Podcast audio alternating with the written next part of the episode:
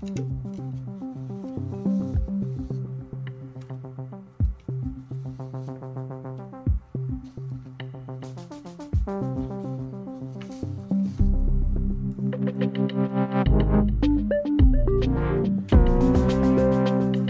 dermed godmorgen og velkommen til en uafhængig morgen her på Den Uafhængige. Mit navn det er Oliver Breum. Ved siden af mig sidder... Karoline Kert. Ja, Godmorgen. det føles rart at sige sit eget navn, ikke? Oh, det er skønt. Så ved man, man er vågen, og man ved, hvem man er og sådan noget. Så, så hvis man kan det, så er man ligesom i gang. Så er det gået meget godt. Karoline, vi har et fremragende program foran os. Mm-hmm. Øh, inden vi kaster os ud i det, og jeg kan måske også lige give en kort øh, oprids af menuen, så øh, vil jeg bare lige minde øh, dig om derude, at vi er jo ikke noget uden øh, dig, der sidder og et, øh, lytter med. Så kan du lide det, vi øh, laver, øh, henholdsvis her i radioen, på vores sociale medier osv., så, så øh, støt os. Det kan du gøre inde på øh, duah.dk-a. Så er der en ambassadørkampagne, som jeg nok skal fortælle mere om senere. Kost en sms. Du skriver UA i øh, beskeden og sender den til øh, 1245. Og så vil jeg bare lige nå at sige, mm. jeg ved ikke, du sidder og tripper for at komme i gang, Ja, men bare. men jeg vil bare lige nå at sige, at noget af det, man jo får lige nu, øh, det er vores helt nye program, der hedder Uafhængig af Folketinget. Nå, Man ja. kan øh, se det på DK4, det er samarbejde, vi har lavet sammen med, sammen med dem. Henholdsvis øh, mandag og torsdag. Mandag bliver det sendt klokken 10 cirka, torsdag bliver det sendt klokken 11 cirka. Om aftenen. Om aftenen. Lige ja. hurtigt. Altså. Jamen, det er nok, det er om aftenen. 22 og 23, kunne jeg også sagt. Og øh, ja, det havde været mere præcist. Og øh, man kan også høre det i vores app, hvis man altså er medlemmer. Her inviterer, inviterer vi og øh, interviewer vi øh, nogle af de politikere, der simpelthen ikke er blevet genvalgt, for at høre, hvad gik galt? Ja. Hvorfor er du så dårlig, øh, at du ikke kan komme ind i igen? Lars Aslan er, er med i det seneste program, og der er altså flere på vej i den på programserie. Det var bare det, jeg vil sige. Og så øh, godmorgen til øh, alle jer derude, der sidder og lytter med. Nu skal det handle om øh, corona, Oliver. Mm-hmm. Og om øh, den danske coronahåndtering var fyldt med fejl. Ja. Der er jo øh, en af vores lyttere, Martin Reiter, som har bedt os om, han kunne i hvert fald rigtig godt tænke sig, at vi undersøgte en række spørgsmål om corona og det her begreb samfundskritisk sygdom. Ja, der er flere af jer, der har, af vores medlemmer, der har været gode til at påpege, at Ja. øh, stille de her spørgsmål. Og Martin er en af dem, der har skrevet et meget langt Mm-hmm. øh, opslag mm. inde i vores øh, fine redaktionslokale på øh, Facebook. I går der talte øh, Christian og Clara så med Allan Randrup, violon, Mm-hmm. Og bagefter med Martin Reiter, som så ikke lige helt synes, han havde fået nok svar. Og det går ikke. Nej, det går ikke. Så øh, nu skal vi snakke videre om det. Så derfor så har vi ringet til dig, Christian Kanstrup Holm, forsker og lektor på Institut for Biomedicin ved Aarhus Universitet. Godmorgen. Godmorgen. Ja, jeg er faktisk lige blevet professor. Så for Godt, tillykke. Vi skal hænge til det. Jamen, ved du hvad? Ja. Jeg skriver det ned med det samme, den titel. Det skal vi have med. Øhm, Christian, var corona, altså sygdommen i sig selv, en samfundskritisk sygdom? Altså, det kan vi jo i bagklogskabens ulidelige klarsyn sige, at det var den ikke. Hvorfor? Og det er meget let at konkludere. Øh, der var mange, der troede, der var det i starten, og sikkert også med god grund, især i starten af 2020, øh, hvor vi jo lukkede ned i, den, i frygten for, at hvis ikke vi gjorde det, så vil vores sundhedssystem kollapse, og en masse, masse, masse mennesker vil dø unødigt. Men hvis vi kigger mod øh, Sverige, som ikke lukkede ned, så er der ingen af de her to ting, øh, der skete. Deres sundhedssystem havde travlt, ja, sikkert også måske urimeligt travlt på nogle sygehuse i en kortere periode, men deres sundhedssystem var ikke i nærheden af at bryde sammen. Øh, og når vi kommer til døde, så, ja, så døde der flere med coronavirus i øh, Sverige, end gjorde i Danmark. Det er helt tydeligt. Øh, men der døde ikke flere. Øh, det gjorde det godt nok i 2020, men hvis man tager hele pandemien med, 2020 og 2021, så gjorde der ikke.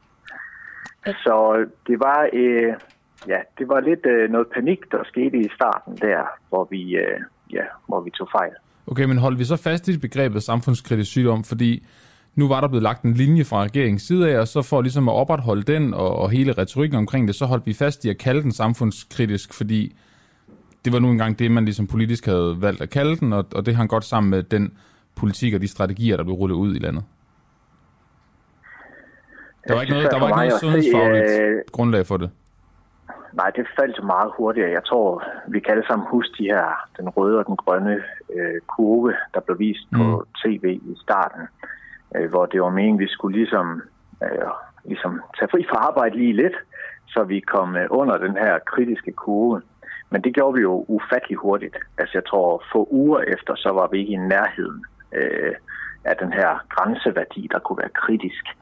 Øh, og hvad der så sker inde i ja, politikere, men bestemt også biologers hoveder derefter, det er jo et psykologisk studie, der skal gøres på et eller andet tidspunkt. Jeg er bestemt ikke psykolog, så det ved jeg ikke, men, men ja, hvis jeg skulle komme med en spekulation, så er det jo noget, man kring, hvis man får skabt nok panik i befolkningen, så er det virkelig, virkelig, virkelig svært at tage det tilbage.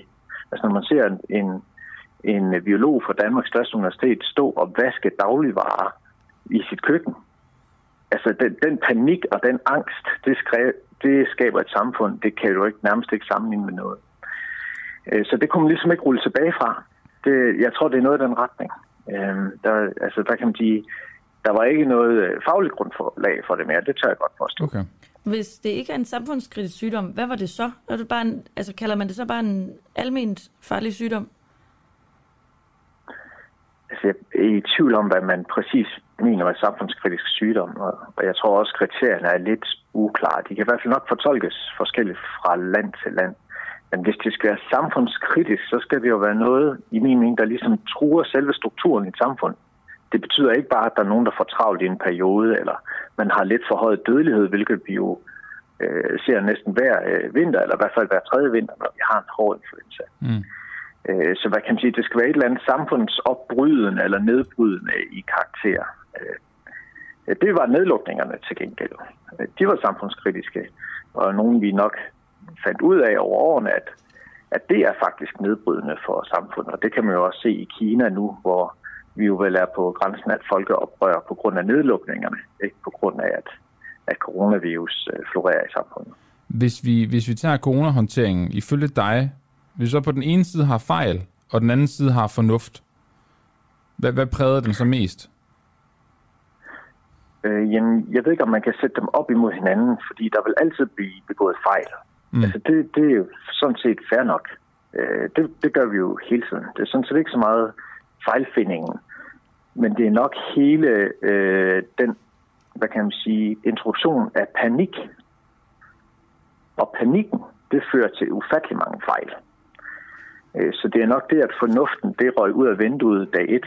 Øh, der var det store problem, og så gjorde, at der kom for mange fejl. Øh, nu er min kone folkeskolelærer i Aarhus Kommune.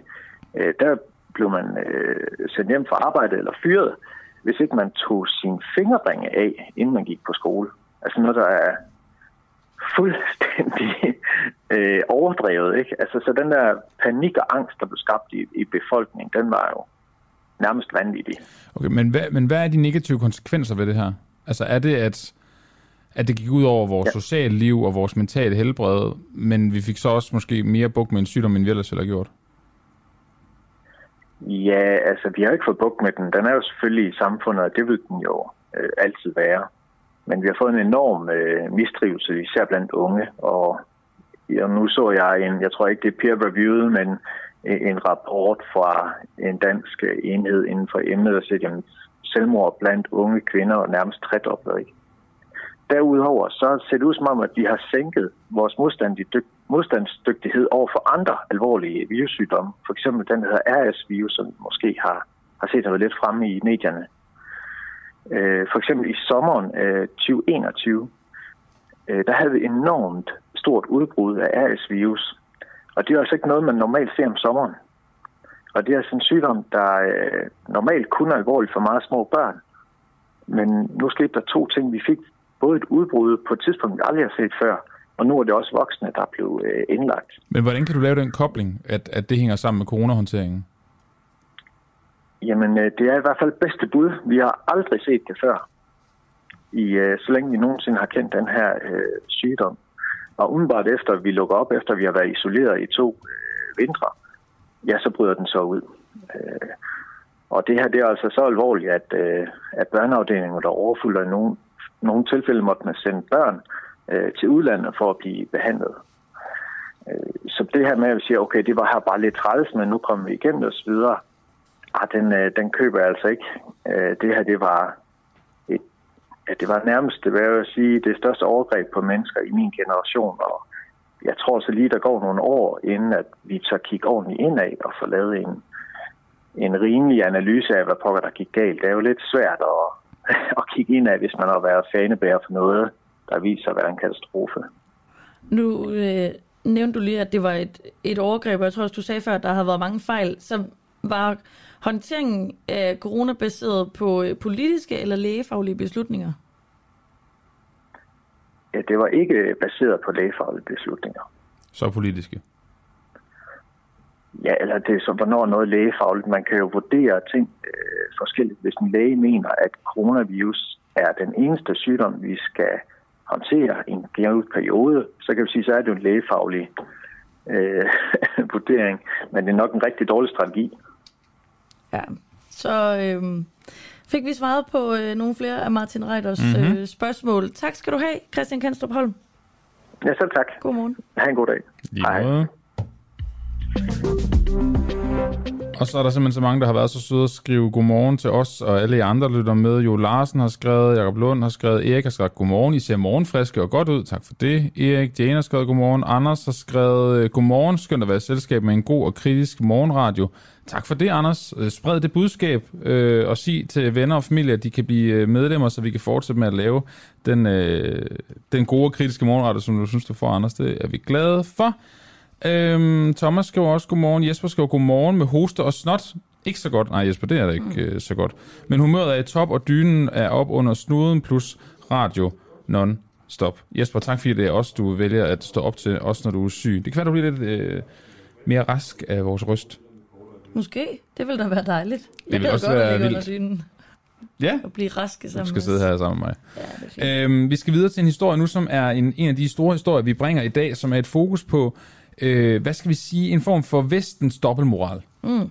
Øhm, vi har en, en, en lang, lang, lang historie i Vesten med at øhm, sige, at de værdier og de øh, holdninger og de synspunkter, vi har, det er de rigtige. De er bedst. De er simpelthen bedst. Ja. Og hvis øhm, du er uenig med dem, så er det dig, der tager fejl. Og så skal vi nok pådute dig, at du har bare ret ind. Øh, og vi kan tage det helt tilbage til sådan noget korsrydderne og, og kristendom i forhold til at udbrede religionen. Øh, så gik det helt amok med, med krig, golfkrigene og Afghanistan-krigene, altså Irak, alt det der, hvor vi ligesom går ned og siger, hov, jeres styreform er forkert, vores er den rigtige, værsgo ret ind. Ja, gør som os. Og en ting, der er til fælles med alt det, ikke? Ja. det er, at det går galt. Ja. Øhm, og lige nu, der er Vesten i gang med noget af det samme. Øh, det er i forhold til VM i Qatar. Vi har ekstremt travlt med at sige, det sejler med migrantarbejdere, det sejler med menneskerettigheder. Spørgsmålet er så bare, det er det, vi har stillet os her på redaktionen, det er, er vi en skid bedre selv? ja, det er lidt spændende, synes jeg. Og vores øh, journalist her på redaktionen, Alexander Brøndum, han undersøgte tilbage sidste år, hvor udbredt udnyttelsen af arbejdsmigranter var i dansk landbrug. Ja, jeg synes, det er ret vildt, det han er kommet frem til. 37 ud af 49 3F lokalafdelinger, de sagde, at de havde oplevet lønsnyd, de havde oplevet dårlige arbejdsforhold øh, i landbruget med arbejdsmigranter inden for det seneste år. Det er altså samtidig med, at vi sidder og råber op omkring, at arbejdsforholdene for arbejdsmigranter i Katar er enormt dårlige. Alle partier, har lyst til at sige, har sagt, at de vil have et politisk boykot, flere i hvert fald, af VM i Katar, fordi de netop mangler løn, overtidsarbejde, har ingen sygedage, ingen fridage. Vi kan bare i dag fortælle, det er altså også tilfældet flere steder i, øh, i Danmark, i hvert fald i, øh, i dansk landbrug. Men jeg skal ikke fortælle det. Det skal du, Morten øh, Fischer Nielsen. Godmorgen. Godmorgen. Næstformand i 3F's grønne gruppe. Morten Fischer Nielsen, vil du lige prøve at fortælle, om der er problemer med arbejdsforholdene for arbejdsmigranter i dansk landbrug? Som jeg lige Det er der. Det er der, helt klart. Altså, det er utvivlsomt ubestridt. Altså, det er der. Altså, vores lokale afdelinger, som du selv nævnte i indledning, de møder det jævnligt, ofte. Og kan du komme med nogle konkrete, konkrete eksempler på, hvad det er, de møder? Jamen, øh, det er helt almindeligt, altså groft underbetaling, ingen fridage, øh, farligt arbejde, øh, fuldstændig på, på, måske ikke i lige så grov, som, som vi hørt om i Katar, men alligevel groft. Mm. Øhm, hvad, hvad gør man for at beskytte de her arbejdsmigranters øh, vilkår? Jamen, der er, øh, der er to, to typer arbejdsimmigranter i, i landbruget. Der, er- der er de almindelige EU-borgere, hvis vi skal bruge dem, slags som frit kan rejse rundt i hele EU og, og arbejde og, og tage imod arbejde. Og så er der en stor gruppe udenlandske praktikanter, som er hovedsageligt af unge mennesker, som er i gang med en uddannelse i hjemlandet, som kommer til Danmark for at, øh, at få noget praktisk erfaring i forhold til deres uddannelse. Mm. Og, det, og det er de situationer, især praktikanter, vi ser de meget grove udnyttelser. Og, og det vi ser, det er alt, alt lige fra ingen løn, illegal arbejde uden arbejdstilladelse. Det er folk, som ikke får fridage. Det er folk, som arbejder rigtig mange dage. Det er folk, der bor under dårlige forhold. Altså, vi, vi ser alt i den, mm. i, i, i den retning. Vi ser selvfølgelig også det modsatte.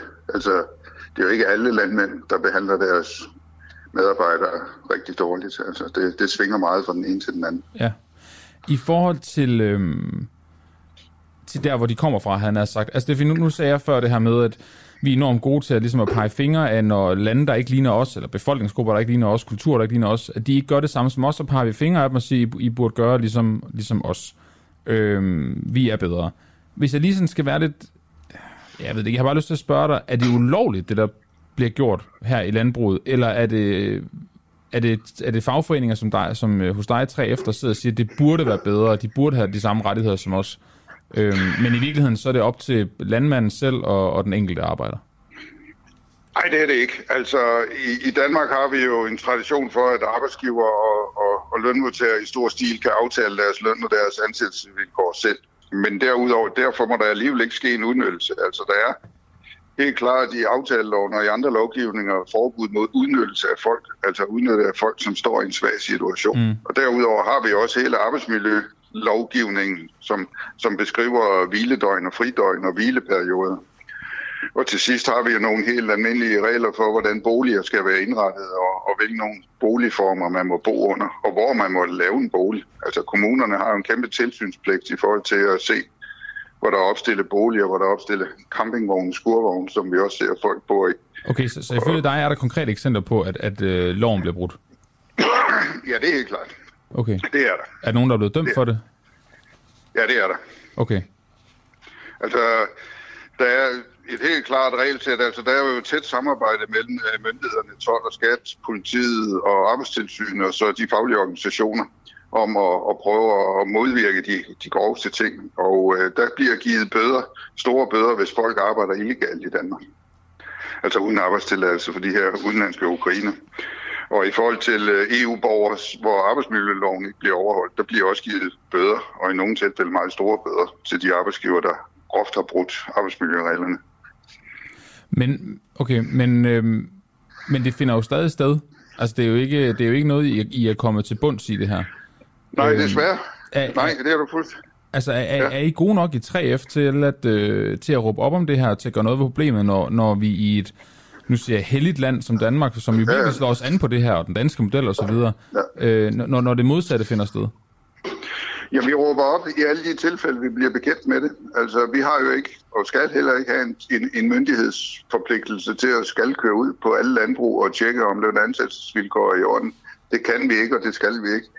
Så de ting, vi kan fortælle om, hvad der foregår, det er jo det, vi får oplyst for folk, som kommer til os og fortæller, hvad de har været udsat for. Mm.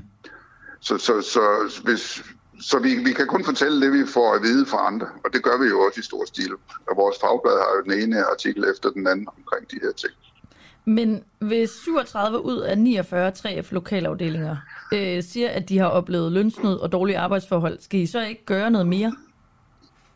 Jamen, vi kan jo ikke gøre mere. Altså, vi, vi, vi, vi kan jo ikke, ja, vi kan råbe mere op måske, men vi kan jo ikke fortælle den samme historie 10 gange. Det tror jeg ikke, at, at befolkningen er interesseret i. Vi kan jo kun fortælle den konkrete historie, når vi har den med det konkrete medlem, som er blevet udsat for de her overgreb. Så hvad er det, der skal ændres?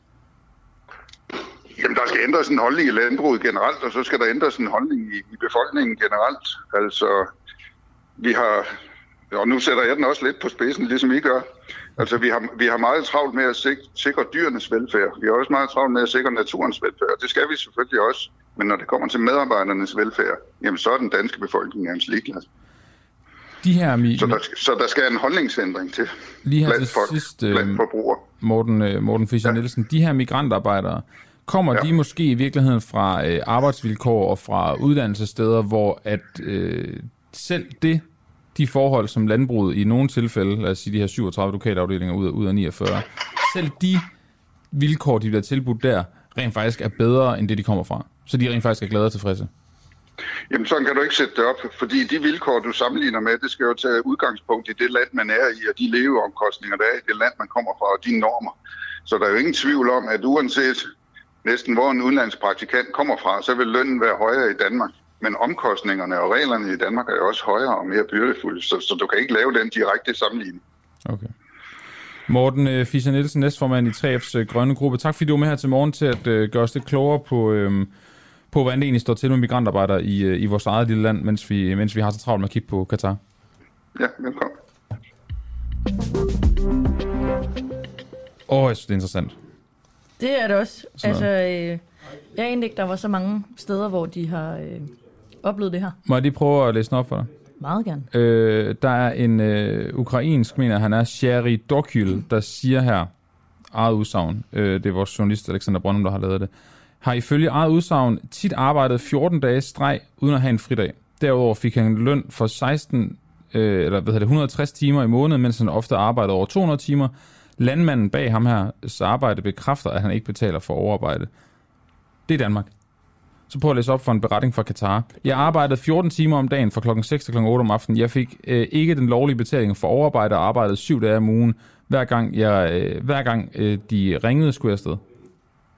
Begge ting er rigtig dårligt, og altså, Det er da bare interessant. ja, altså nu er det jo to specifikke cases, der mm. er sat op øh, ved siden af hinanden, og man kunne sikkert finde nogen, altså du kunne sikkert finde en, der er dårligere i Katar, Sikkert. og sætte op. Sikkert. Men, men det, det, ingen af tingene skal finde sted. Vi, øh, vi har vores egen journalist Alexander Brøndum med til sidst i den her, øh, den her morgen til at sætte ord på øh, hans egen undersøgelse, og også hans fortsatte jagt her i radioen på at få svar på, øh, på de her spørgsmål. Nu skal vi videre.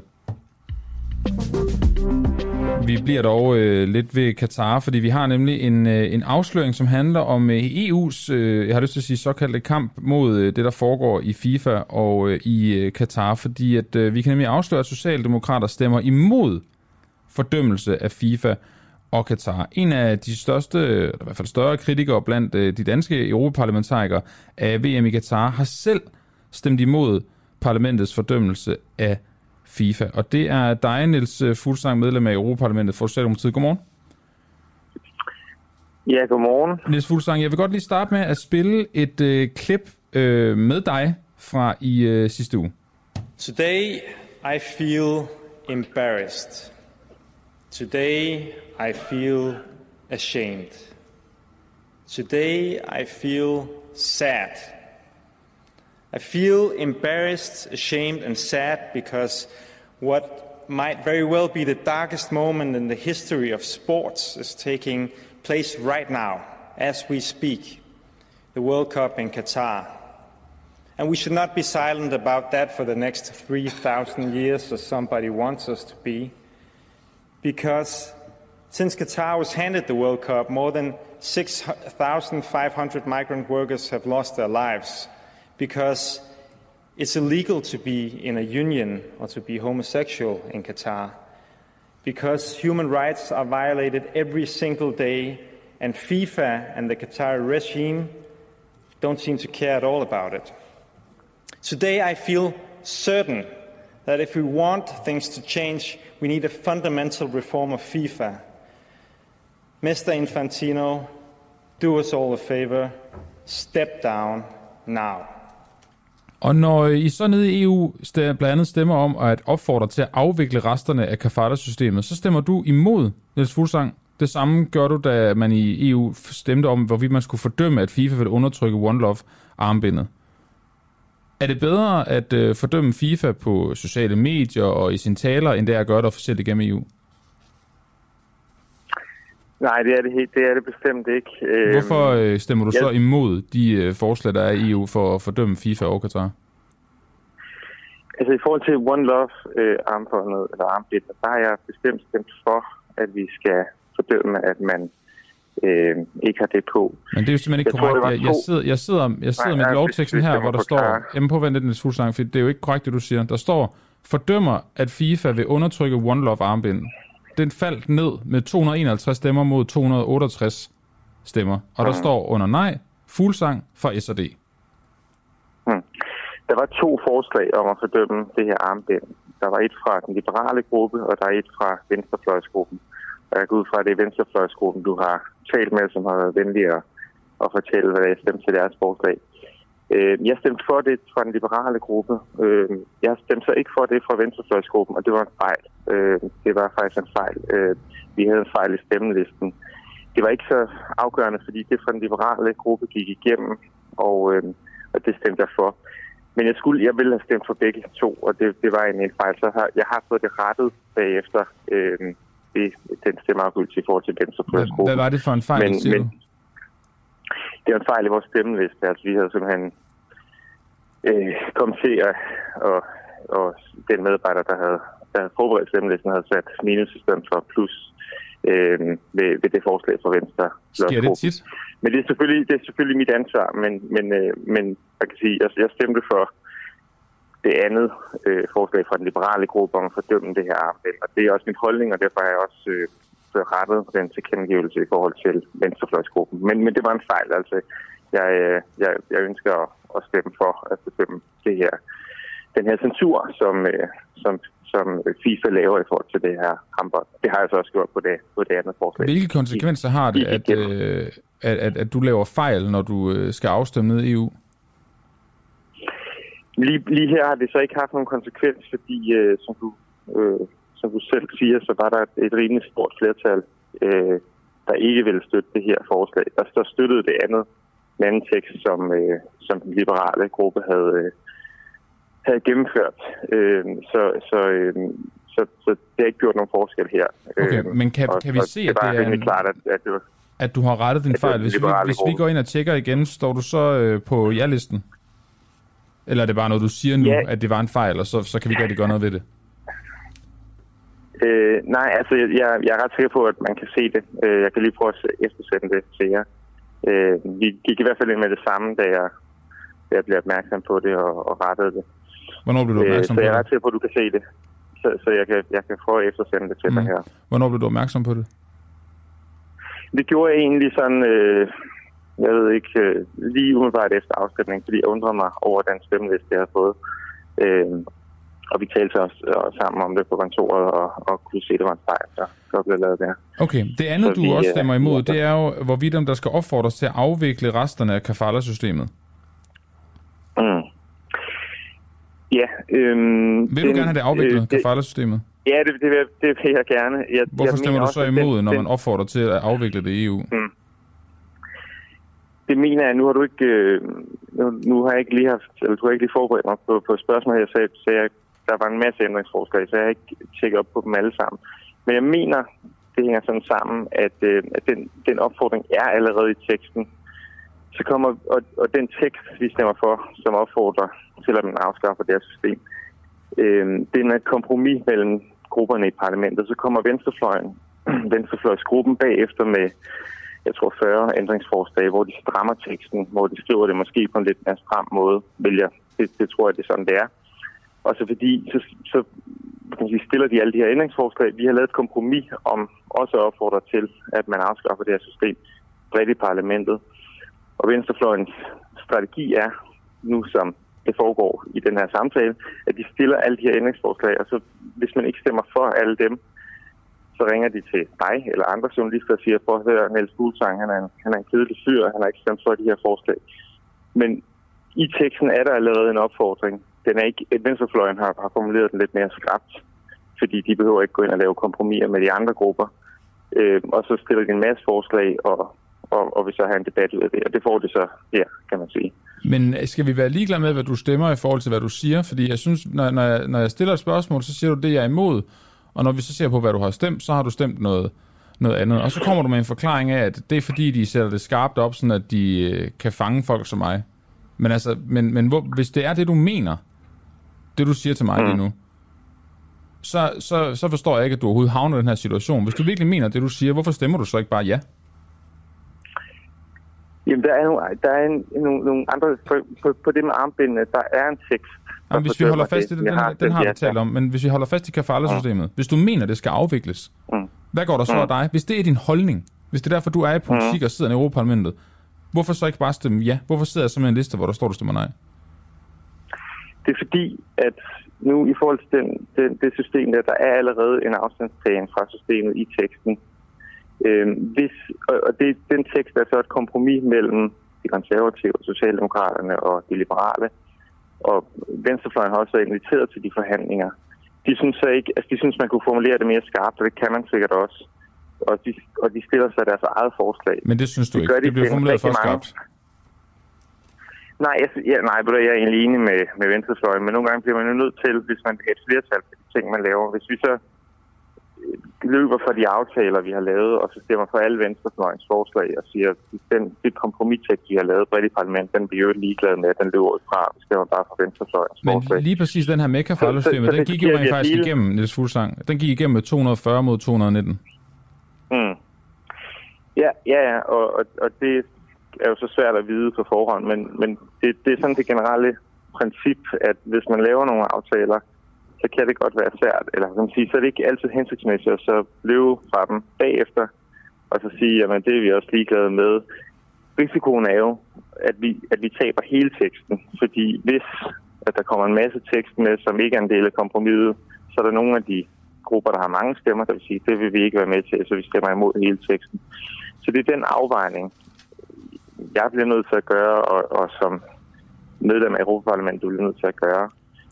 Niels, Niels og Fuglsang, jeg sidder lige, her. lige, lige her til sidst, ikke? Jeg, jeg sidder med en fornemmelse af, at vi har en, en, en politiker som, som dig, der har måske flere, der er i den situation, der sidder og har en holdning, øh, politisk holdning, men når det så kommer til stykket, så stemmer man noget andet, og om det så er fordi, at der er en øh, grundholdning i de grupper, I har dannet nede i EU, øh, det ved jeg ikke, eller om det er fordi, at du øh, er hyklerisk i forhold til, at du øh, siger alt det korrekte udadtil, men når det så kommer til stykket, så stemmer du noget, noget andet.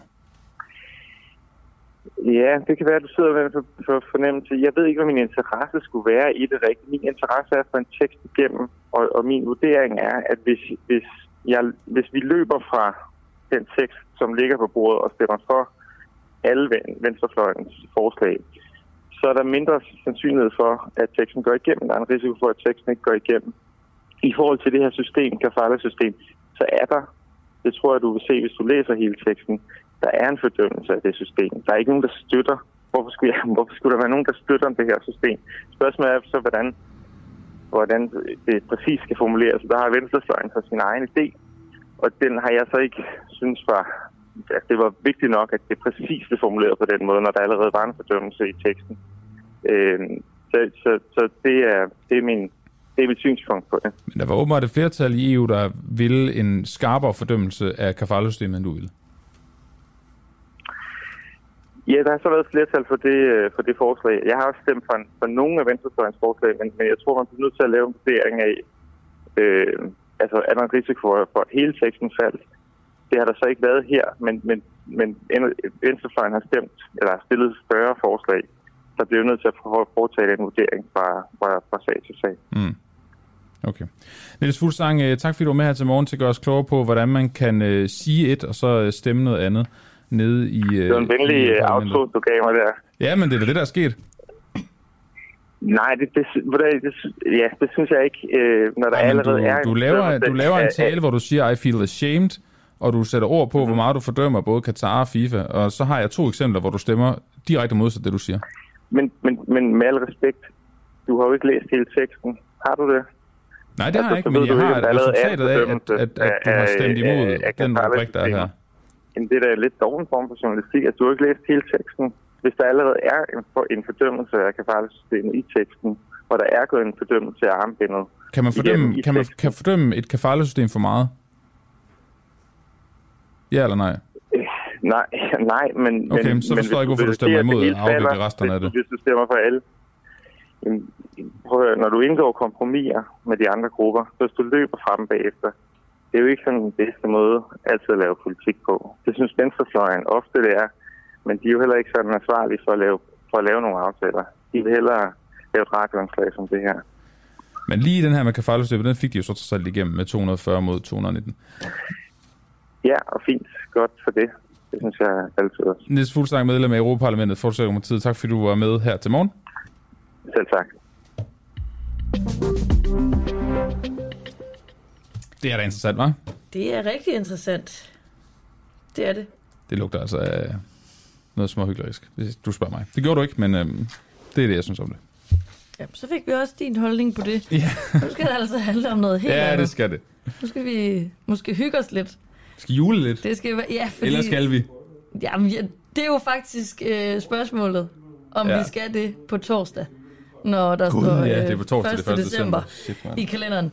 Fordi øh, vi skal finde ud af, om øh, TV2 gør os danskere dummere, end vi er, når de aflyser Pyrus Altidets julemand.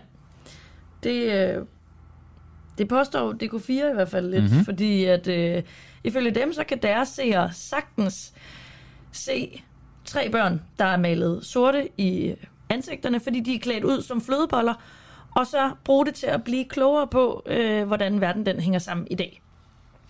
Derfor så kunne, øh, så kunne DK4 godt tænke sig at købe julekalenderen, så vi kan sappe over til dem og se den mm-hmm. på torsdag, når øh, der altså øh, står 1. december i kalenderen. Sten Andersen, kommunikationsdirektør ved DK4. Godmorgen. Morgen. Sten, hvad koster øh, Pius altid julemand? Det har vi også spurgt TV2 om, og de har ikke svaret os endnu, så det kan jeg ikke svare på. Nå. Vi skriver, øh, hvis I kan få lov til at købe den. Hvornår finder I ud af, om øh, det bliver et go eller no-go? Det kan jeg heller ikke svare på, men, men det skal jo være snart. Så meget kan man sige med sikkerhed. Øh, vi sendte, øh, altså vi, vi forespurgte i går øh, kl. 07.62, og vi venter stadig på svar fra TV2. Og, og altså, det, det er jo i sidste øjeblik, det skal der ikke være nogen tvivl om, men, men det, var jo, det bunder jo en beslutning hos TV2 om så ikke at vise den her planlagte julekalender, øh, som den beslutning tog de først i sidste uge, så, så vi har jo ikke kunne gøre så meget før. Så det, det er på øh, det er med kort frist, men det kan vi sagtens arbejde med på DK4. Hvad tror du, den koster? Altså, ja, den kan jo ikke være meget værd, når de har kasseret den. jeg ved det ikke. Jeg ved ikke, hvad den koster. Øh, det vi ved er, at øh, skuespillere, fotografer og ophavsrets øh, øh, personer skal selvfølgelig have deres honorar. Det ligger der helt faste tariffer for. Så den slags vil man godt kunne regne ud, øh, hvad koster. Hvor, hvornår det skal her- I, I senest finde ud af det her, Sten Andersen? Altså, hvis vi, vi oprindeligt tror jeg, vi meldte ud, at vi vil sende det 1. december, eller vi sende kl. 20, men det tror jeg kost karambolerer med noget andet, så vi skal nok sende det kl. 18 eller 18.30 eller sådan noget, den stil, den 1. december. Så vi Øh. kunne få den ind ad døren klokken 17, og så trykke play. Ja, dybt set. Nå, okay. Nej, det vil være besværligt. Det, det, nu, vi, nu er vi ude i noget, som egentlig er, hører til i den komiske ende. Ej, vi, vi skal selvfølgelig kunne planlægge det og arbejde med det, men, men altså, Okay, men når, når, man, når man sidder og laver sådan et, et, øh, en, øh, en pressemeddelelse, som I gør, og tager sådan en beslutning, så gætter jeg på, at man, man også gør det velovervejet. Så, Ja. så hvad, hvad er ligesom jeres... Hvor meget kan I maksimalt betale for at vise Pyrus altid julemand? det aner jeg ikke. Er det, Og, og hvis jeg vidste det, tror jeg ikke, jeg havde lyst til at, at flage det ud. okay, men, øh. men har, har I haft det møde, hvor I ligesom siger, at vi kan ikke gå højere end det her?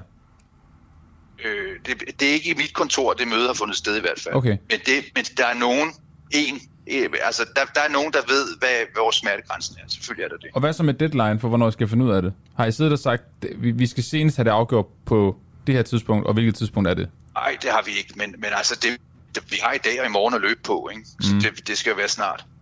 Er det ikke lidt nemt at gå ud og sige, at man gerne vil købe den julekalender, når den nu er blevet aflyst?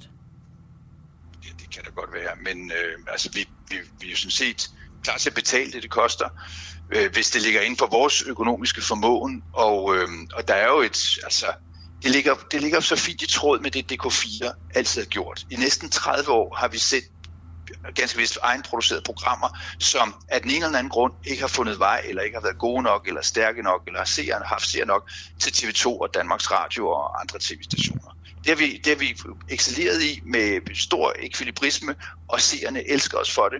Og, og derfor, når der opstår en situation, hvor noget, som seerne elsker, pludselig ikke må blive vist på den store kanal, så, så er det helt naturligt for os at springe til at sige, så, så lad os vise det. Vi, vi stoler på vores seere, vi ved, de er topbegavede, de kan sagtens regne ud, at det her er et historisk værk, det er et kvart århundrede gammelt, Øhm, og det, der var okay dengang, er det måske ikke i dag. Det er fint, så kan man få en samtale om det med sine børn eller børnebørn, hvordan det nu er. Så, så det ligger egentlig meget godt til øhm, i tråd med det, som vi plejer at lave mm. på DK4. Og vi er jo landstækkende, vi ligger i alle grundpakkerne, så det er stort set hele Danmark, der kan se det. Så vi har næsten den samme udbredelse som TV2 eller Danmarks Radio. Vi vil, vi være de eneste, der kunne løse den her opgave. Altså, det, det er bare fordi, Sten Andersen, når jeg, når jeg hører øh, jeres konkrete bud, og som, så, som jeg så ikke lige kan høre, hvad det er, og så videre, fordi I mangler svar, så tænker jeg bare, øh, om, om det helt ærligt ikke bare er et, et stunt, det her. For netop at vise, øh, hvilken profil I har på DK4, som jeg vil give dig ret i. Det er jo noget, I, I, I har bevist tidligere. Men, men, men det her synes jeg lugter lidt af et stunt, hvis jeg, hvis jeg skal være helt ærlig. Det, det, må du så, det må stå for egen regning. Det er, det, det er et ærligt, det er et ærligt øh, forsøg på at få en dialog med TV2 og finde ud af, uh, hvad koster det, og er det muligt. Men altså, det er klart, så længe TV2 stikker hovedet i busken og, og ikke kommer ud og, og siger noget, så, så er vi jo så godt som handlingslam. Mm. Vi, vi står klar til at indgå i en åben og ærlig dialog om det her, og vi har, vi har penge på kontoen. Øh, det er jo ikke en bundløs kasse. Øh, det skal være rimeligt, og, og, men altså som sagt, tror vi ikke, at det er noget, der, der kan værdisættes særlig højt, når nu de har kasseret produktet. Mm. Sten, der er en lytter, der har skrevet til os, at øh, det faktisk ifølge vedkommende er en skandale, at TV2 overhovedet har overvejet at sende en julekalender fra 1997 igen. Og skriver også, vil børn i dag se det? Det er jo noget gammel lort, bliver der skrevet, nostalgisk for os, der så den som børn. Øh, men helt ærligt, tror du børn vil se det igen? Øh, det, det ved jeg faktisk ikke, men øh, jeg har set to børn i, øh, i målgruppe alderen på henholdsvis 7 og 9, vi har haft øh, en, flere gode samtaler om, hvad der er god stil, og vi har talt om det her blackfacing, som er et af kritikpunkterne i den her øh, julekalender, mm. som man, man vil få, ja, det vil jeg håbe, man aldrig vil gøre igen. Det er et historisk dokument, og mine unger vidste ikke, at der var noget, der hed blackfacing, at man ikke gør det, at man engang har gjort det. Og i hvert fald, bare det, vi har talt om det, løftet dem op på et niveau, eller altså gav dem en ny indsigt, øh, som, som de ikke lige har fået i skolegangen endnu. Det er ikke sikkert, at de får den. Øh, så, så, så jeg tror, at forældre og bedsteforældre, har, som har haft et forhold til Pyrus, de vil trække deres unger med ind for en skærm og sige, nu skal I bare se, hvordan verden så ud, da far eller farfar var mm. barn. Og så har man en dialog ud fra det.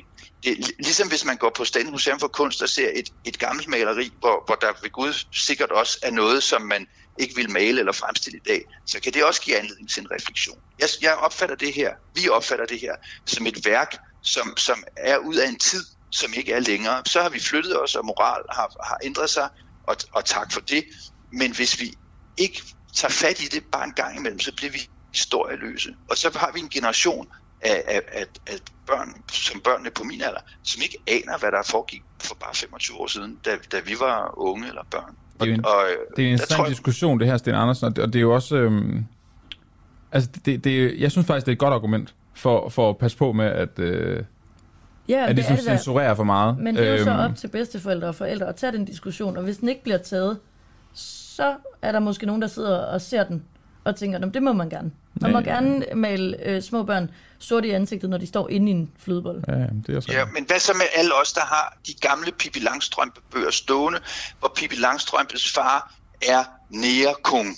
Skal vi, skal vi så brænde de bøger, eller hvad skal vi gøre? Skal vi købe nogle nye, hvor det er taget ud? Altså, det, det, det bliver en meget vanskelig diskussion, det her. Man kan og, også bare og, læse nogle andre bøger. Ja, sige, det skal... Vi læste dem en gang, vi læser dem ikke mere. Men synes du det? Er, er Pippi Langstrømpe, fordi der er den passage, så er Pippi Langstrømpe bare ude? Det, det er et mesterværk. Det er der vel sådan en almindelig enighed om. Mm. Jo, men der er vel også skrevet gode ting siden. Ikke så gode ting. Sten Andersen, på, vi, vi, skal, vi skal videre, men, øh, men jeg synes faktisk, det er en, øh, det er en fed nok diskussion. Og ja, jeg synes også, helt... vi kom, vi kom lidt over det der med ja, at diskutere, om TV2 skal vise den eller ej. Jeg synes faktisk, vi kom lidt videre på en eller anden måde. Og du siger det ikke er et stunt, Andersen. Jeg glæder mig så til at se den på torsdag. Nu, nu er der ja. pres på herfra. Det vil ja, bare lige sige. lykke med købet. Modtaget. Tak. God, øh, god dag, Sten Andersen. Tak i lige måde. Kommissionsdirektør ved DK4. Vi skal sydpå, og det skal handle om noget, der slet ikke er hyggeligt. Øhm, tværtimod. Øhm, vi skal øh, tale med Jan Graup, der er fotograf, fordi øhm, han har øh, været rigtig meget i Sydsudan, og oplevet øh, de klimaændringer, der har været dernede. Og spørgsmålet er, om, Oversvømmelserne i Sydsudan er øh, den største klimakatastrofe i nyere tid. Mm. Sydsudan står øh, nemlig under vand. Klimaændringer har udløst voldsom regn, der øh, får Nilen til at øh, gå over sine bredder. Øh, alle veje er simpelthen vasket væk, og øh, mudderet det gør det fuldstændig umuligt for fly at lande på jorden. Øh, Jan Graup han øh, sejlede med en af FN's speedbåd fyldt med medicin og udstyr ind i katastrofens hjerte, kan man vel godt sige. Mm, ja, han... Så også det UNICEF måske, han, han har været nede og tage billeder for. Altså Ja. ja. sammen, altså han ligesom udnyttet, at FN også har været der. Nå, lad os høre lidt mere om det. Godmorgen, Jan Graup. Godmorgen. Jan, øh, vil du ikke starte med at fortælle om din reportagerejse til Sydsudan? Jeg har aldrig været der, og det øh, har jeg en lille antagelse om, at der er ret mange af lytterne, der heller ikke har. Så prøv lige at sætte nogle billeder på. Jamen altså, Sydsudan er jo specielt, fordi det er verdens yngste nation. Det er ikke særlig mange år siden, at de opnåede, øh, opnåede øh, selvstændighed fra, fra resten af Sudan. Men det er også et land, som har været plaget af, af politisk uro, øh, i hvert fald i begyndelsen. Og nu er de så blevet ramt af den her sådan, kæmpe store klimakatastrofe, som de facto betyder, at vandet er ved at drukne, eller landet er ved at drukne. Hvordan, øh, du har været flere gange i Sydsudan. Ja. Øh, hvordan adskiller den, den her reportagerejse sig fra andre ture, du har været i Sydsudan? Jamen det gør den ved, at, øh, at det her vand øh, jo bliver ved med øh, at indtage en større og større rolle og en større magt i landet. Altså det er, vi snakker lige nu om et område, som vel næsten er på samme størrelse som Frankrig, som er fuldstændig oversvømmet. Og det vil sige, at alle de mennesker, der bor i det område, er jo på flugt. Altså de er jo det, man vil kalde for klimaflygtninge. Og der er ikke noget landjord tilbage, og det vil sige, at øh, folk lader sig drive ned af de her så, øh, store oversvømmede områder øh, på, på hjemmelavede øh, tømmerfloder. Øh, og i, i, i jagten for at finde et sted, hvor de kan få fast grund under fødderne. Og samtidig med det, så betyder det jo også, at, at den, det folk har haft at leve af, øh, er forsvundet. Og igen betyder det så, at folk sulter. Når vi øh, taler om oversvømmelser i, øh, i Danmark, så er det sådan noget med, at kældrene bliver våde, og Jyllinge Nordmark ved Roskilde Fjord, der, er- der er haven også under vand. Kan du ikke lige prøve at fortælle os mængderne, eller sætte nogle billeder på mængderne af vand, de oplever i, i Sydsudan, og hvor, hvor invaliderende det er for deres, øh, deres hverdag? Ja, for det første er det jo meget dybt vand. Altså mange steder, der er det sådan, at, øh, at, at man skal svømme. Altså øh, jeg har oplevet børn dernede, som, som har insisteret på blandt andet at gå i skole, men som har skulle svømme i skole. Så det, så det har ikke noget med oversvømmelser, som vi kender dem fra Danmark at gøre. Altså det er mange meter dybt. Og jeg sejlede øh, på, øh, på nogle motorbåde med nødhjælp. Vi sejlede cirka 800 km på oversvømmet område, uden at se landjord overhovedet. 800 kilometer. 800 km. Så det er bare for at give jer øh, en fornemmelse af, hvor stort et område det er. Og samtidig med det, så skal man jo huske på, at det her vand er dybt øh, forurenet. Der ligger både døde dyr og døde mennesker, og alt hvad der hedder toiletter og latriner er oversvømmet. Og det vil sige, at det her vand, det, det er så inficeret. Øh, det er også det vand, man har at drikke, men, men folk bliver altså rigtig, rigtig syge af det. Og det er jo, det er jo måske en af de ting, som, som, øh, som har været vigtigt for mig at prøve at dokumentere, måske særdeleshed her i forbindelse med COP27, at mange steder i verden, og typisk de steder, som måske har den laveste CO2-udledning, der er, øh, der er øh, klimaforandringerne. Altså det er ikke noget, vi snakker om som noget i fremtiden. Det er nu.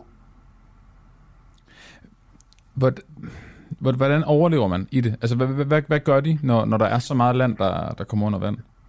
Jamen det er jo, man, man lader sig drive ned ad floden på de her tømmerfloder, til man finder et sted, hvor der er mulighed for at være. Og nogle, nogle få steder, der er der jo nogle små pletter med, med noget med noget mudderjord. Øh, så prøver man at bygge nogle sandsække op og ligesom prøve at, at, at, at skærme sig selv af mod det vand, indtil det så ikke kan lade sig gøre i det her område længere, og så, så lader man sig der så drive længere ned ad floden.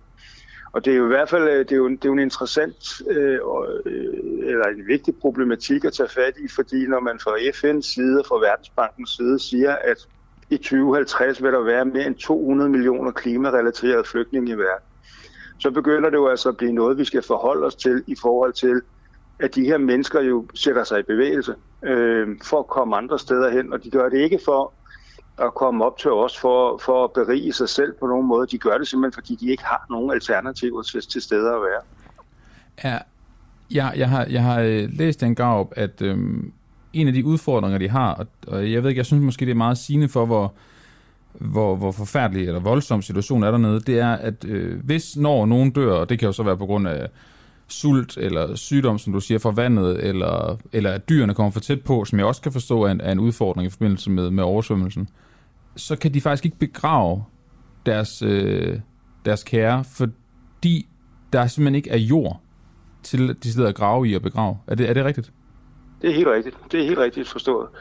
Øh, og det er jo også et kæmpe problem. Det vil sige, at, at, på den måde, der bliver det her vand jo endnu mere inficeret. Og så er der jo en anden pointe, som du har ret i, det er, at i Sydsudan, der lever der 11 af verdens giftigste slanger, og, øh, og når, når jorden forsvinder, øh, så den smule jord, der er tilbage, den skal mennesker og dyr jo dele, og det vil sige en, en, en side, øh, en, øh, altså noget af det, der sker samtidig med det, det er jo så, at der er utrolig mange øh, slangebid, og det er typisk børn, det går ud over øh, som bliver bidt af de her slanger. Og i og med, at der ikke er nogen læge, altså der er ikke nogen hospitaler eller lægeklinikker tilbage, jamen, så dør folk øh, øh, eller, eller får benene amputeret. Og det er altså et kæmpe problem dernede. Jeg ved godt, det lyder meget mærkeligt, men, men det er simpelthen øh, det er simpelthen situationen. Øh, Jan Grav, vi har vi sidder med nogle af dine billeder dernede fra, øh, som ser helt vilde ud, og jeg ved godt, at, at lytterne ikke kan se dem, men det er virkelig udsultede børn, øh, der sidder på et... Ja, de sidder bare i mudder. Øh, det ligner ja. bare en sø, de faktisk sidder i. Øh, og en kvinde, der står på alle fire, og at det ser... Hun ser så udsultet ud, at jeg slet ikke forstår, hvordan hun kan være i live. Altså, ja. alle de her... Men det, men det er jo rigtigt. Altså, den kvinde, som du omtaler, ja, hun er kun 62 år gammel. Men hun vidste godt, hun skulle dø. Hun havde ikke mm. noget familie, der kunne passe på hende. Øh, hun havde fået den hjælp, hun kunne af, af andre flygtninge i området, men, men i og med, at der er så begrænsede muligheder, så havde hun ligesom indset, at, at hun, hun formentlig ville sulte ihjel. Og det er jo det er simpelthen øh, virkeligheden øh, dernede. Og det andet billede, du snakker om med de her børn, der sidder og venter, de sidder jo og håber på, at der kommer nogle både op af floden, som har en eller anden form for nødhjælp med. Men, men det er så begrænset, hvad man kan have med på de her både. Det er også derfor, at, at Sydsudan er et af de få steder i verden, hvor man stadigvæk benytter sig af airdrops, altså hvor man smider nødhjælp ned med, fra, fra fly med, med faldskærm. Fordi man kan heller ikke lande nogen steder. Men når du er på de her ture, hvad, hvad, giver, hvad gør mest indtryk på dig?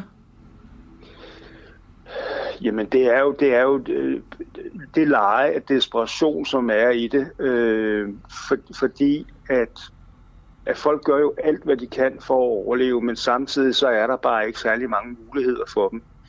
Øh, så for mig, der var det, var det meget voldsomt at opleve, i måske i særdeleshed, hvor mange mennesker det reelt drejer sig om. Altså vi snakker jo mange, mange hundredtusind mennesker, der, der, der er i det her problem.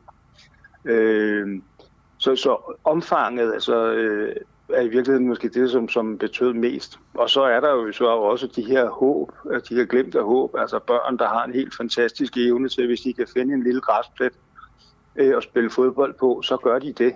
Øh, øh, og det er, jo, det er jo nogle af de ting, jeg altid oplever på de her rejser, det er, at børn har en fantastisk evne til at, øh, at navigere og justere ind efter en given situation, og alligevel tiltvinge sig retten til at være børn.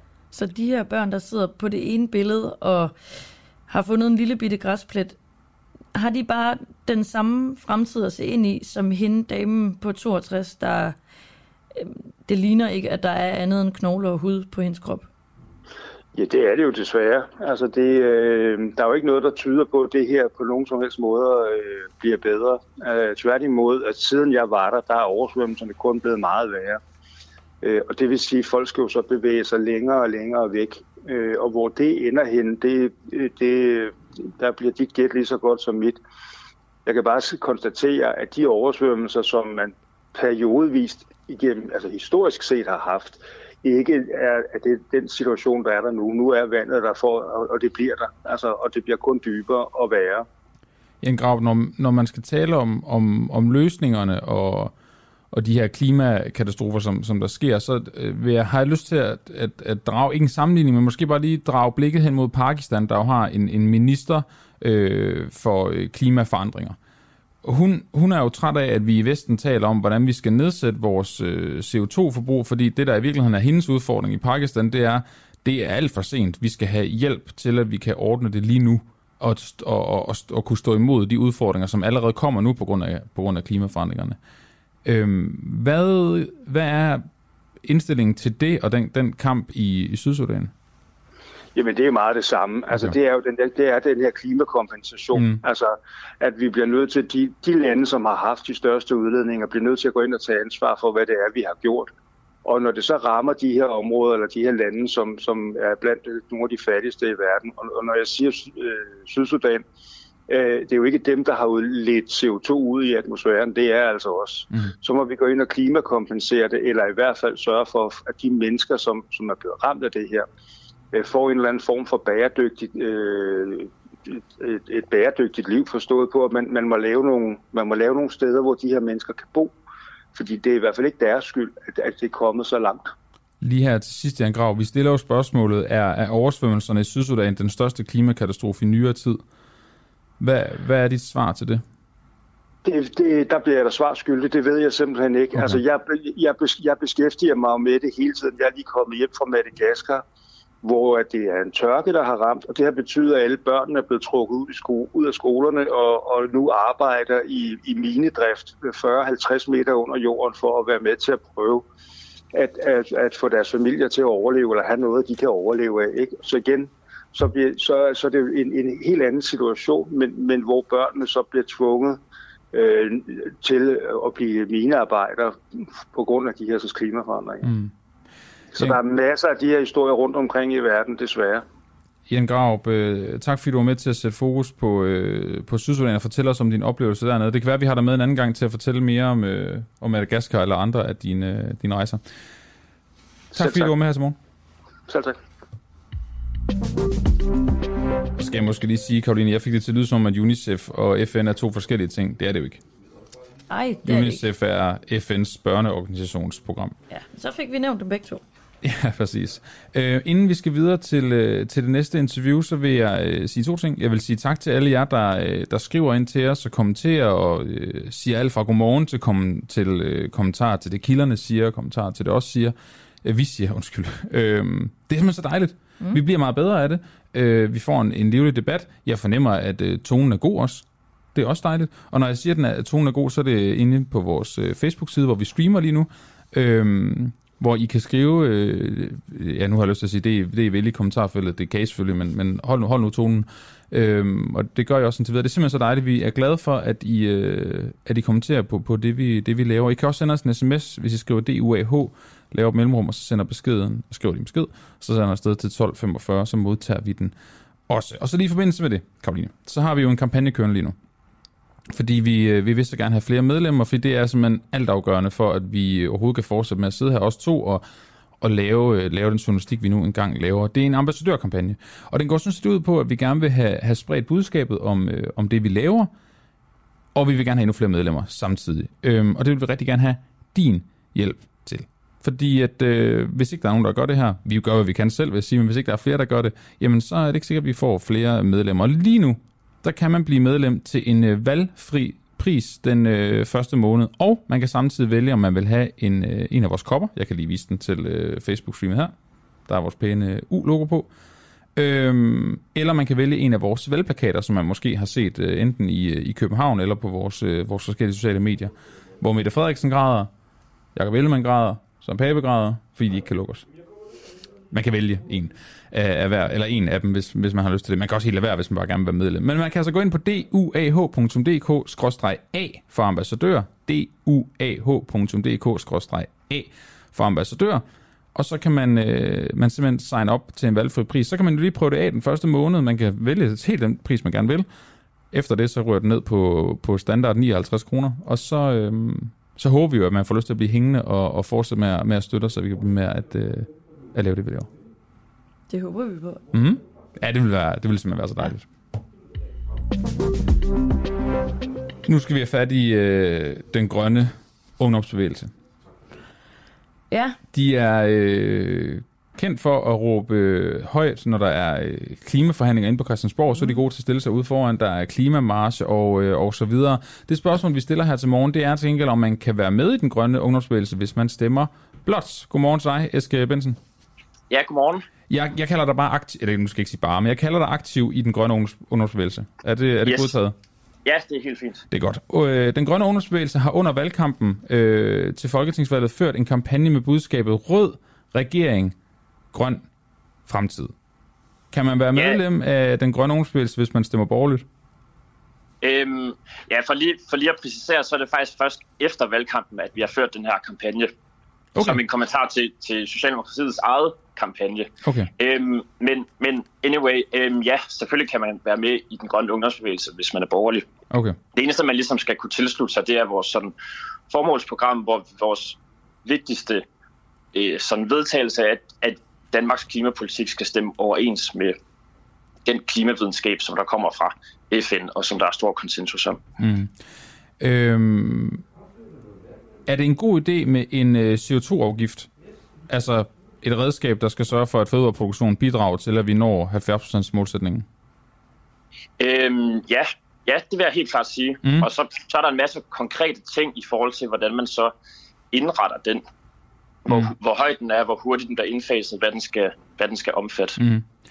Øh, er det vigtigt, at vi har en god beskyttelse af vores øh, miljø og biodiversitet i, øh, i Danmark?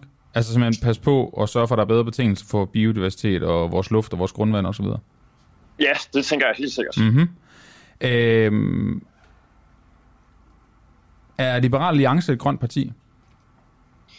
Øhm, det vil jeg egentlig stille et stort spørgsmålstegn ved, fordi når jeg ligesom skal, skal måle, hvor, hvor grønt parti man er, så er det både de mål, man har for, hvor Danmarks klimapolitik skal hen, men også om man kan anvise konkret reduktionspolitik Mm. til, hvordan man når de her mål. Mm. Øhm, ja, og det der er liberal, at jeg ikke vil sige, at Liberal Alliance har en politik endnu, det kan man i hvert fald ikke læse i deres klimaudspil. Okay, for de to ting, jeg lige har læst op, som du har øh, været enig i, det er ordret det, som Liberal Alliance siger i forbindelse med, øh, med Mhm. den grønne omstilling. Mm. Ja, og problemet er, at de ikke de beskriver det bare ikke meget nærmere, hvad, hvad den her CO2-afgift skal omfatte, og hvad den skal, hvor høj den skal være. Øhm, og, og de udregner ikke, hvor meget den ligesom skal bidrage med, hvis vi tager Liberal Alliance som konkret øhm, eksempel. Mm. Mm. Og, og det samme kan man sige om Venstre og Konservative, og det er det, der ligesom, vil jeg sige, er et stort problem med de borgerlige klimapolitik for øjeblikket, det er, at de ikke giver konkret politik for, hvordan vi skal nå de her ambitiøse mål. Men der står, der skal være en CO2-afgift på vores fødevareproduktion. Det er da Mhm. rimelig konkret. Øhm, nej, for det, det kommer an på, om den skal omfatte biologiske processer, altså for eksempel animalsk produktion. Det kommer an på, hvor høj den skal være. Det kommer an på, hvornår den skal indfases. Så, så man mangler ligesom stadig at sige, øh, hvor meget skal den her CO2-afgift, hvor meget håber man, at CO2-afgiften skal indbringe i konkrete reduktioner. så når, Og det er en ret stor forskel. så når Oliver læser Liberal Alliances mærkesager op, som du jo sådan set delvist i hvert fald er enig i, er det så bare varm luft, det de skriver?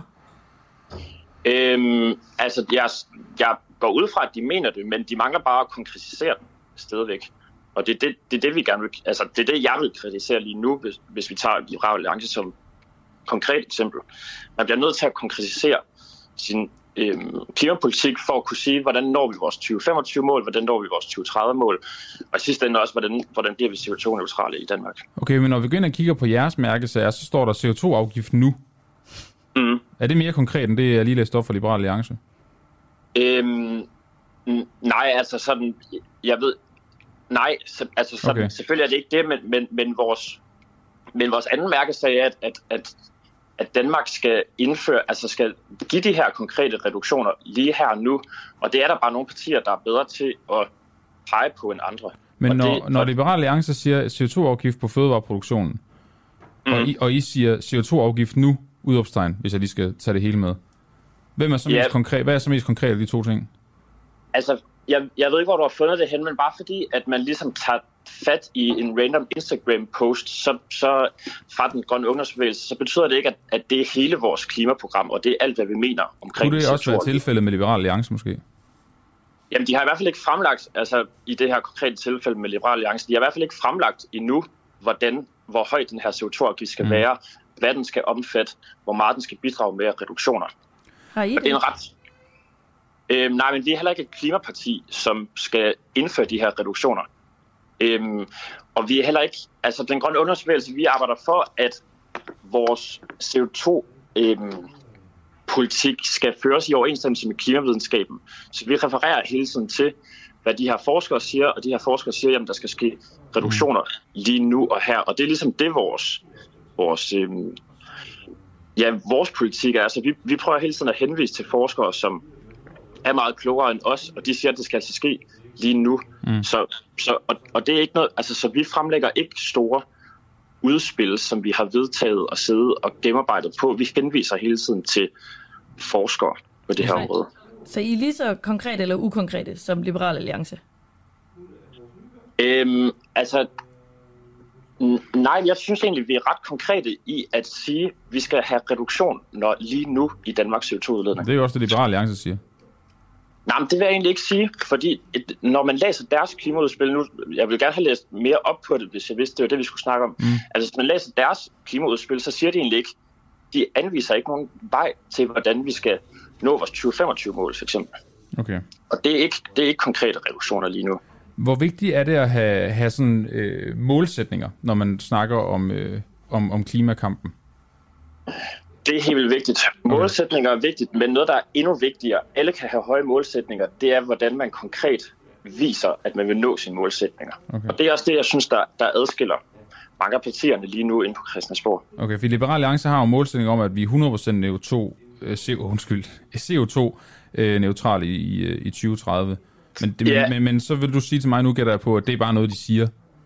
Øhm, nej, altså det der med, at de vil være 100% CO2-neutrale i 2030, det er lidt en sjov skrivebordsøvelse, for så begynder de at indregne andre landes reduktioner. Altså de vil, de vil, de vil faktisk ikke hæve Danmarks reduktionsmål i 2030.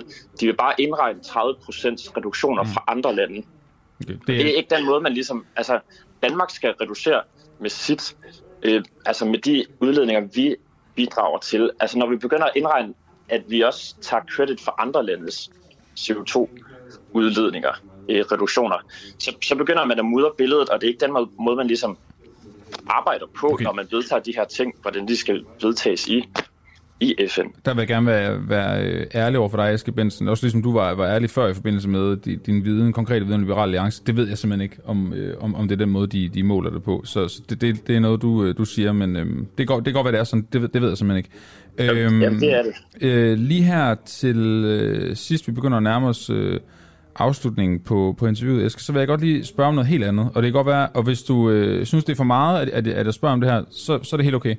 Øhm, hvad, den ø, som man øh, er i gang med at bygge øhm, ude omkring Nordhavn, altså ude øh, i vandet, midt ude i vandet, i Lynetteholm. København. Hvad er det, den hedder? Altså tænker vi på Ly- Lynetteholm. Ja, ja hvad, hvad siger du, den hedder? Lynetteholm. Ah, godt, men det er fordi, I har simpelthen haft så mange banner hos jer, hvor der står Lynette Holmøn. Okay. Og det, det, Ja. har, det har bare irriteret mig helt vildt, at I har stadig det forkert. Okay, ja det, ja, det ved jeg desværre ikke noget om. Nej, men de er jo bare blevet klogere, kan jeg høre. Det, er jo- det er jo øh, det er ideen med livet, tænker jeg, at vi lærer. Jeg forstår ikke helt pointen med, om det er et spørgsmål, eller ja. Jamen, jeg spurgte bare, hvad det hed, for at høre, om I havde... Altså, om, om I godt vidste, det hed Lynette Holm, og ikke Lynette Holmøn. Altså det, Det er jo sådan en Ja. klassisk fejl. Flere laver. okay. Ja, jeg forstår ikke helt pointen med det her. Nej, men ikke noget. Jeg vil bare høre, om, om I godt vidste, om du godt vidste, at det ikke hed Lynette Holm. Ja, det ikke hed Lynette Holmøn, men det gør du. Okay. Øhm, Eske, lige her til sidst. Hvis nu man er klimabenægter, ikke? Ja. Kan man så godt være medlem af, af den grønne ungdomsbevægelse?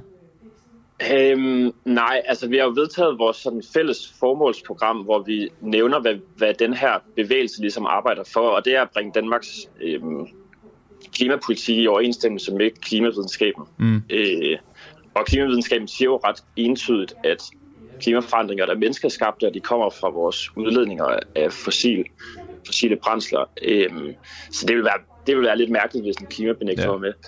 Går I ikke, øh, altså, even, øh, går I ikke glip af, hvad kan man sige, nogle, nogle synspunkter og nogle diskussioner ved ligesom at, at, at holde den synsvinkel ude?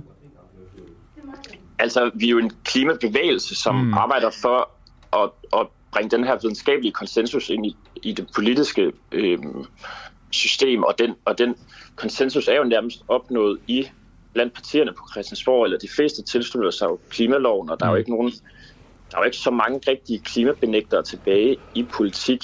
Altså, så nej, jeg synes egentlig ikke, at, at det klimabenægtende perspektiv er særlig relevant at snakke om længere. Eller nogensinde, for den sags skyld. Nej, okay. Nej, nej, det er også øh, det er okay. Jeg vil bare lige høre. Eske Benson på, tak fordi du er med her til morgen. Ja, selv tak. Aktiv i, øh, i den grønne ungdomsbevægelse. Yes. Oliver, nu har vi øh, fået besøg. Det har vi nemlig. Marlena Liv Simoni, godmorgen. Godmorgen. Velkommen. Tak. Du har øh, taget plads over for os. Det kan man se, hvis man kigger med ind på Facebook. Det kan man. Nu øh, skal det nemlig handle om øh, lovliggørelse af stoffer. Fordi, Marlene, du er øh, tidligere prostitueret. Ja, Ja. jeg er eksprostitueret og stoppet i 2014, og øh, kvittet, øh, det, det kan man jo ikke sige, men jeg lukkede ligesom branchen helt ned i 2017. Øhm, så jeg har jo haft en kæmpe kontaktflade øh, i forhold til emnet, vi skal snakke om. Perfekt. Fordi spørgsmålet, vi stiller, det er, om øh, det gavner de gadeprostituerede at lovliggøre alle stoffer. Fordi øh, partiet Moderaterne øh, er nemlig kommet med et forslag om, at narkotika til eget forbrug skal afkriminaliseres. Eksempelvis øh, skal udsatte gadeprostituerede og narkomaners heroinmisbrug afkriminaliseres. Det er i hvert fald meldingen fra Moderaterne. Øh, Marlena, har du selv taget stoffer, da du er prostitueret? Øh, nej, det har jeg ikke, og det har en helt øh, årsag. Altså bare jeg ser en nål og ser blod, så besvimer jeg. Det lyder lidt helt åndssvagt, fordi jeg har også en, en, øh, en sygeplejerske uddannelse. Det lyder helt åndssvagt. Men jeg kan godt stikke andre, men jeg turde simpelthen ikke stikke mig selv, øh, fordi jeg har set, øh, både i forbindelse med øh, mit arbejde på hospitaler, og også øh, med mit arbejde, da jeg var i prostitution, altså aktiv i prostitution, har jeg jo set mange, og i den forbindelse, så kunne jeg godt tænke mig at komme med et par anekdoter, hvis det er okay. Mm, endelig. Øhm, jeg sad på et tid, jeg har jo, altså, jeg tager, undskyld mit franske, øh, undskyld også lige over for lytteren, jeg har jo knippet sådan øh, rundt i hele Danmark, øhm, og jeg har siddet sammen med rigtig mange øh, øh, piger, øh, både af dansk herkomst og øh, anden etnisk herkomst end dansk, altså både fra Østeuropa og sådan noget.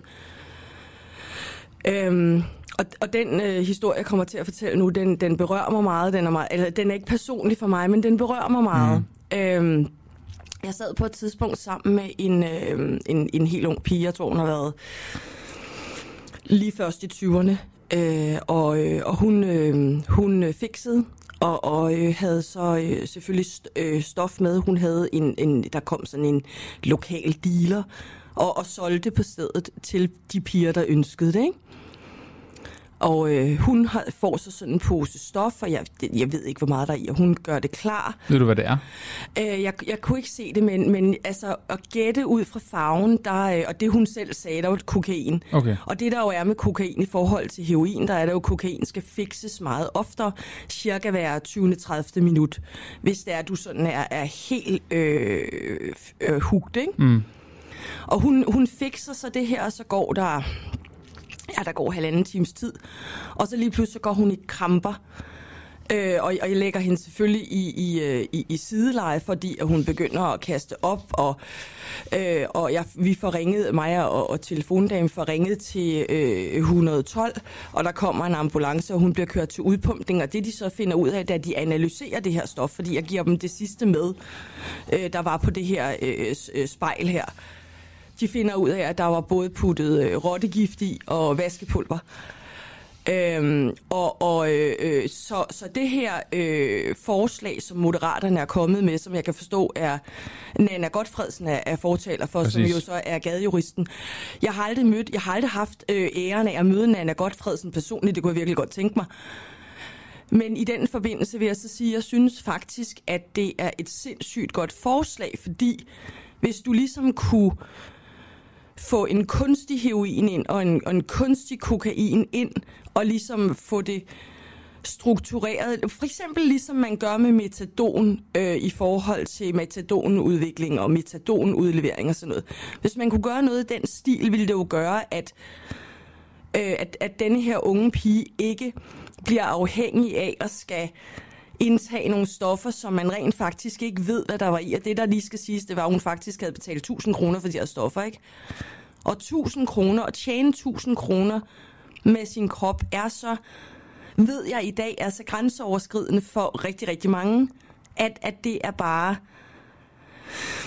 det ville bare gøre verden øh, og, og livet meget, meget nemmere for mennesker på bunden af samfundet, som i forvejen bliver udsat for retraumatisering og stigmatisering og Øh, ja, jeg, jeg bliver lidt berørt af det, mm. øhm, og, og det, øh, jeg synes faktisk, det er et, et sindssygt godt forslag. Jeg håber, at der er andre end moderaterne, der synes, det kunne være en rigtig god idé. Malene, jeg, jeg synes, det er ret interessant, at du så sidder og siger, at det er et godt forslag, for man kunne også høre den der historie og så tænke, gud, det skal vi bare fuldstændig have fjernet. Det skal helt væk fra, fra gaderne. Det, vi, vi skal fange dem, der, øh, der sælger det til, til hende, hende pigen, du nævner her, og, og måske i virkeligheden måske nogen, der sidder og tænker, at det skal være endnu mere kriminelt, sådan at man øh, forhåbentlig måske kan skræmme folk fra at gøre det.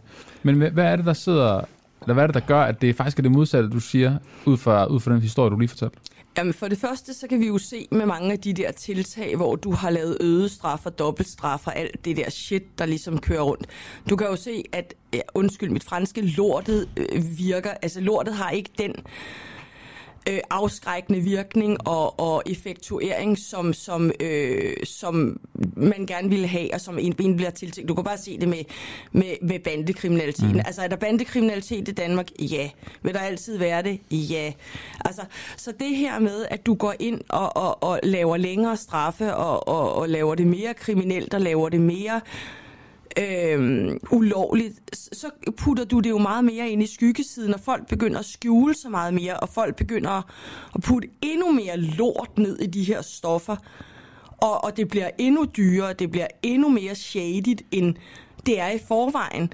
Men så måske, lig, ligesom du har gjort med at legalisere noget af hassen, så måske ligesom at sige, okay, vi, vi laver sådan en forsøgsordning, vi prøver det, og så kan der måske et, faktisk komme nogle statsindtægter på det. Ja, det, det er bare mine vilde tanker. Mm. Ikke? Men bare fordi, at man øh, vil lovliggøre øh, stoffer til eget misbrug, så kan der vel stadigvæk komme dårlige ting ned i. Helt sikkert. Men man kan sige, hvis, hvis man ligesom prøver at sige, jamen det vi legaliserer, det er, det er nogle kunstige stoffer, som bliver udviklet, ligesom du udvikler øh, øh, has uden øh, THC, tror jeg, det hedder. Mm. Øhm, så tænker jeg, at, at hvis du ligesom tager altså styringen på det, og prøver at tage kontrollen på det, og ligesom siger, jamen vi ved så, hvad der er i det, og laver nogle, nogle centre, hvor man kan komme og hente det, og, og ligesom prøver det på en forsøgsperiode, ligesom med metadon, med metadon-udlevering. Øh, Men så tænker jeg, altså, vi kan da kun blive klogere af det. Vi kan da kun sige, okay, virker det? Så fortsætter vi med det. Virker det ikke, jamen så må vi så se, hvad vi så skal gøre. Men altså, bare fordi det bliver lovligt gjort, så går man vel ikke hen specifikke steder øh, og får sine stoffer. Altså de gadeprostituerede og andre vil vel blive ved med at få stoffer fra alle mulige steder, og så kan det lige så godt ende i, at hun ligger og har fået rottegift. Jamen, jeg prøver lige et scenarie på dig, fordi at hvis, hvis, du, hvis du gør det gratis, altså hvis du gør det som en forsøgsordning, hvor hvis du går herhen, så får du dit stof gratis. Og hvis du skal gå ud på gaden og købe det, så skal du give 1000 kroner. Men det er vel ikke det, forslaget er at gøre det gratis? Det skal bare være lovligt øhm, at have det på sig? Jamen, jeg ved, altså, jeg ved ikke helt, hvad, hvad den... Altså, jeg ville tænke, at hvis man lavede en forsøgsordning, hvor du kontrollerede det og prøvede at gøre det gratis. Og ligesom afkriminaliserede det. Og ligesom prøvede at sige, jamen, hvordan fungerer det? Så tror jeg faktisk, at du ville kunne... Øh, ja, altså, jeg, jeg, tror ikke, jeg tror aldrig nogensinde, du ville kunne stoppe stofsalg. Det er ligesom, du ville heller aldrig kunne stoppe hverken prostitution eller kriminalitet. Mm. Fordi er der en efterspørgsel, så er der også et udbud. Mm. Men, men jeg tror på, og, og det er jo kun min egen personlige mening, jeg tager den ud fra en subjektiv viden. Og det er så fint. Øhm, men det her med, at hvis du ligesom prøver at sige, at vi må prøve nogle forskellige ting for at se, hvad der virker og hvad der ikke virker. Det er jo det samme, jeg har gjort i mit exit ud af prostitution. Mm. Det her med at sige, Øhm, jamen, øh, et, et, et, et, eksempel, som måske er lidt ude i hampen, men jeg prøver den lige ude i hampen. Ikke? hmm. øh, altså, lige for øjeblikket, der hedder jeg øh, Luderliv, Øhm, og, og det gør jeg så, fordi jeg er ved at integrere den sidste del af mit exit, og ligesom kunne kalde mig noget andet, og koncentrere mig om, at jeg skal ud og være pædagogstuderende og pædagog, selvom jeg har været i gang som pædagog i over to år. Ikke? Mm. Men det, jeg tror i forhold til det her øh, forslag med moderaterne, den metafor, jeg prøver at sige, det er, jeg tror, at hvis vi ligesom lovliggør noget, mm, så bliver der også mere, så tør folk mere tale om det, så får du i tale sat mange flere ting. Og hvis du så prøver at udvide det og siger, okay, vi prøver det her, hvordan virker det? Sådan, så du indsamler noget viden på, jamen hvad virker? Og så det allervigtigste, tag brugerne med på råd. Altså, spørg de prostituerede, fordi det er fandme ligesom dem, der ved, hvordan det er at få stoffer, stoffer ind i kroppen. Ikke? Marlene, vi har ikke uh, meget mere tid tilbage. Jeg skal lige sige at det sidste, vi har jo prøvet at få Nana Godfredsen på til interview, fordi nogle af de spørgsmål, du også stiller, Karoline, ja. kunne være interessant at stille mm. til hende også. Ikke? Lige præcis. Uh, lige til aller, aller sidste, helt kort, Marlene. Hende pigen, du nævnte, hvad, hvad skete der med hende? Altså, hun, øh, hun, hun overlevede, hun overlevede heldigvis, Godt. men, men øh, hun tog et dybt skade af ja. det. Okay. Øhm, og, og det kunne vi have undgået? Det kunne vi faktisk ja. have undgået. Marlene Liv Simone, tidligere prostitueret, eller luderliv, som du også kalder dig selv. Ja. Tak fordi du var med her til morgen til at uh, fortælle ud fra dit synspunkt og dit liv, ja. hvad du tænker om, om det her forslag for Moderaterne. Og tak fordi jeg måtte være med. Selvfølgelig. God dag. I lige måde. Nu øh, skal vi øh, til noget helt andet. Vi skal tale med øh, Teresa Scavenius, der er øh, medlem af Folketinget og klimaordfører for Alternativet. Spørgsmålet er, om politikerne skal gå forrest i den klimakamp, de selv kæmper. Alternativets nye klimaordfører, Teresa Scavenius, hun øh, har haft 24 tjenesterejser med fly mellem Aalborg og København siden øh, 2017. Det har Frihedsbrevet kunne afdække på baggrund af, øh, af agtindsigter.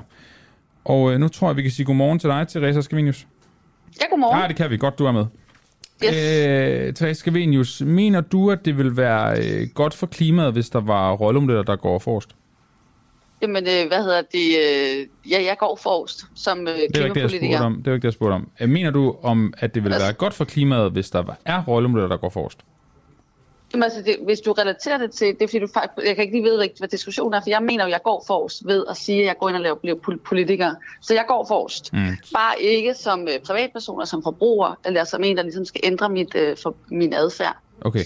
Øh, men, så jeg går men, forrest. Så, jamen, det er ikke det, jeg spørger om. Jeg spørger, om det er godt for klimaet, hvis der er rollemodeller, som går forrest. Øh, Øh, selvfølgelig er det godt, er det godt med rollemodeller, selvfølgelig okay. er det det. Okay.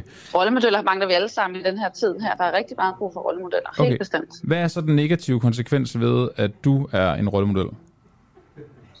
Jamen, der er ikke, der er ikke nogen Jeg forstår ikke dine spørgsmål. Jeg er ked af at sige det, men jeg forstår ikke det spørgsmål. Jeg, der er ikke nogen negative konsekvenser af, at jeg er en rollemodel. Jeg er en rollemodel, der ligesom siger netop, at vi skal kæmpe have strukturelle politiske forandringer. Øh, vi skal forstå, hvor svært det er, hvor meget klimakamp bliver modarbejdet på global plan, europæisk plan, national plan. Øh, og at vi har i de sidste 20 år, der har vi jo forsøgt at få en global bindende aftale. Det mislykkedes. Så har vi haft en periode med nationale reduktionsmål. Man skulle forsøge at gøre det, der ingen, der ingen lande, der lever op til Paris-aftalen. Mm. Og så i den periode, efter alle de fejl, så er det, at, så at øh, virksomheder og borgere er begyndt med at kompensere for de fejl. Og der er det, det mit argument, som jeg lige har skrevet en bog om, klimastaten, det er, det kan man ikke så derfor det, vi skal bruge som energi på, når vi er borgere i det her samfund, hvor vi er fanget i en fossil økonomi, som vores politiske ledere og vores øh, både på global og national plan ikke har tænkt sig at ændre lige i øjeblikket. Okay, og så, så, længe så de du går har forrest, det, så er vi fanget. Så du går forrest ja. ved at have 24 tjenesterejser med fly mellem Aalborg og København siden 2017? Øh, Øh, nej, nej, altså du blander til det, fordi du prøver, altså det, det her sådan en ekstrabladet journalist, det er jo ikke det, jeg siger. Jeg siger, at jeg går forrest ved at blive politiker, øh, går fra at være borger til at sige, at jeg vil gerne være øh, repræsentant i det her samfund, hvor jeg forsøger at skabe forandringer. Fordi hvis jeg ikke sidder inde på borgen, så kan jeg love dig for, at der ikke er nogen mennesker, der kæmper for at få en revideret øh, klimalov. Fordi okay. de skrev alle sammen under på den klimalov, og de forstod ikke, hvad den handlede om. Det, det, så, det minder mig det... lidt om, øh, om Lars Lykkes sag, det her. Det her med, der er ja, privat det. Lars, og så er der øh, politiker Lars. Der, her ja. er der privat øh, Therese Scavenius, der øh, flyver 24 gange mellem Aalborg og København, der øvrigt helst vil tage en taxa ud til lufthavnen. Og ja, så er der politikere, Teresa Scavenius, som øh, siger til alle os andre, kan, at, øh, at, at det er dårligt at flyve for klimaet.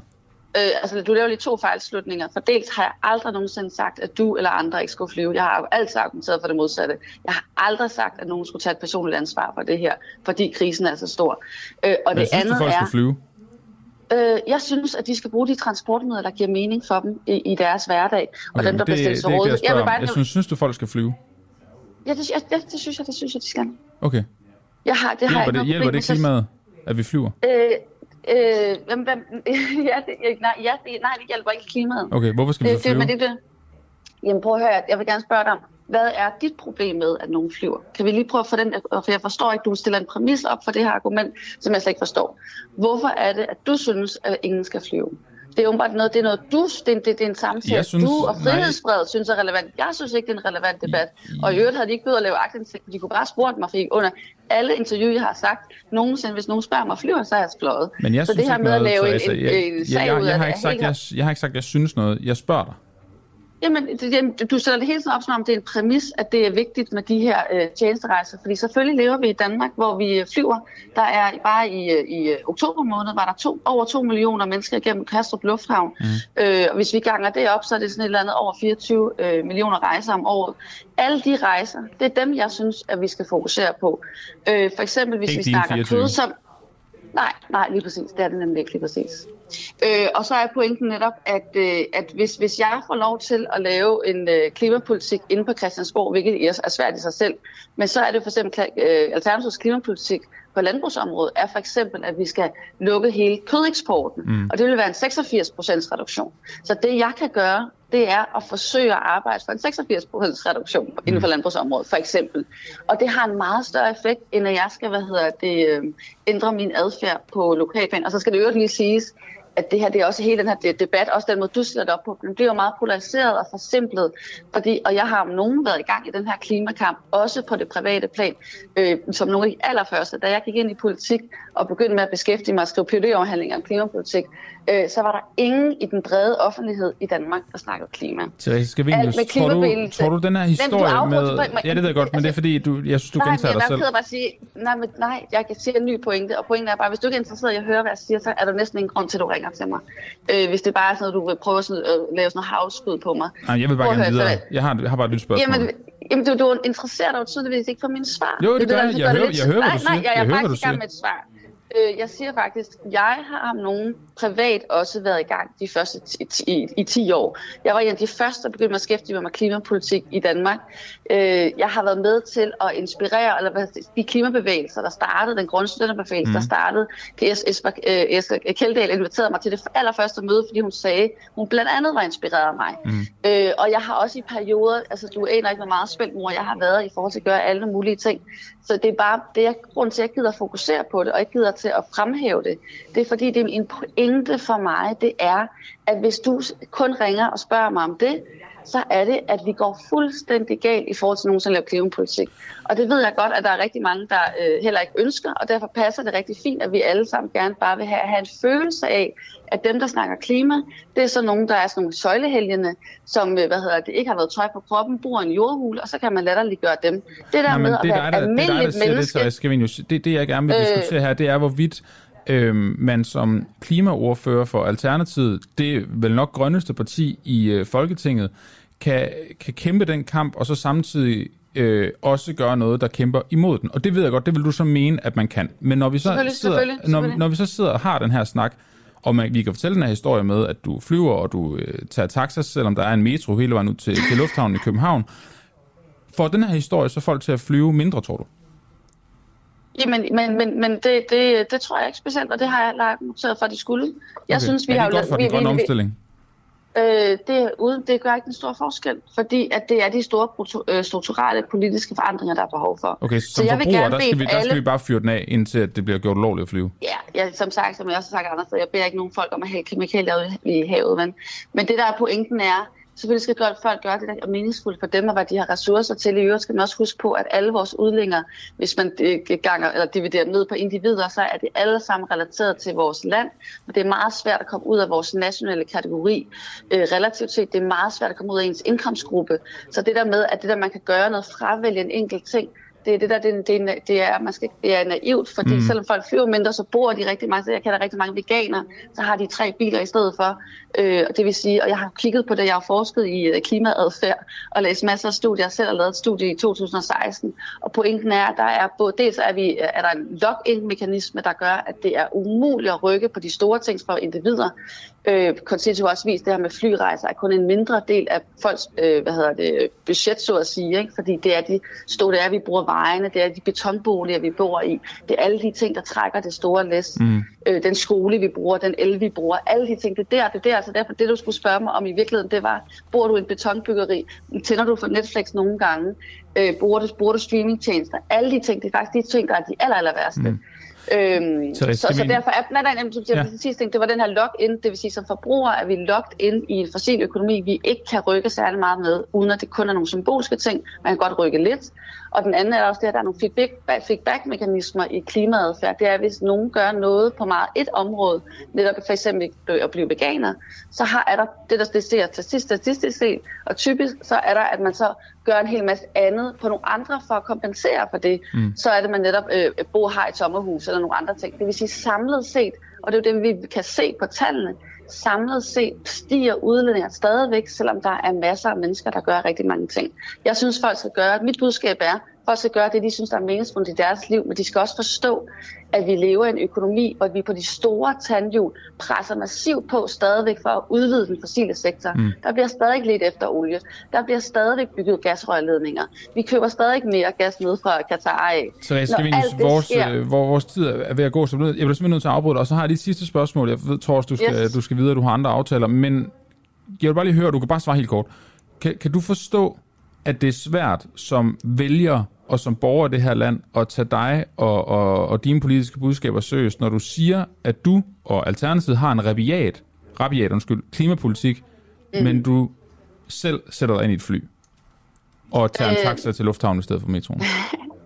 Ja, og ser Netflix og så videre, ikke? Øh, nej, nej, Nej, det, det kan jeg er- ikke forstå, men, men, men jeg kan godt forstå, jeg kan godt forstå, at i det her nuværende politiske klima, og det er jo derfor, jeg elsker debatten, og jeg gerne vil tage alle dem, der ringer til mig og spørge om det, fordi jeg synes, det er, det er for mig, at det, det første klimapolitiske slag, jeg vil slå, det er, at alle folk forstår, at nu skal det stoppe med, at det er et individuelt ansvar at løfte den her globale krise, Mm. som vi har politikere, der systematisk modarbejder. Og så længe de gør det, jeg har skrevet bøger og artikler om det, så længe de udvider det fossile sektor, så har man som individ ikke et kæmpestort ansvar, ud over det, man selv synes giver mening. Og det er sindssygt vigtigt for mig at forstå, at, eller at give det budskab ud til alle mennesker, at vi, det er det, vi skal have fokus på, og det er derfor, jeg vil ønske, at folk ser sig mere som borgere og støtter op omkring en politisk forandring. Selv stiller op for eksempel, selv skriver læserbrev, mm. selv er mere hysterisk rasende over, at Mette Frederiksen er ved i gang med klimaforhandlinger, eller hvad hedder regeringsforhandlinger, ja. hvor klima stort set ikke bliver nævnt. Det er det, der er vores problem lige nu.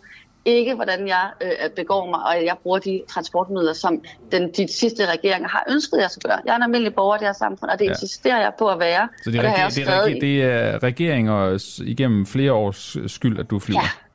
Det er ikke din egen det, skyld? De nej, de har ønsket det. De har øh, nedprioriteret investeringer i tog og opprioriteret øh, investeringerne i fly. Okay. Og derfor er jeg en repræsentant for de borgere, der står over for det valg hver dag. Så dem, der synes det, det er dem, der skal øh, stemme på mig og synes, jeg er en vigtig politiker i den periode, jeg tager min demokratiske værnepligt for holdet, så at sige. Og så håber jeg, at nogle andre vil tage over, Ja. øh, når jeg ikke gider mere. Så jeg skal, vi skal, vi skal videre i teksten. Tak fordi du gider stille op og, og, Yes. og tage den her Tak for diskussion. debatten. God dag, ikke? Og så, jo, lige måde, hej. Hej.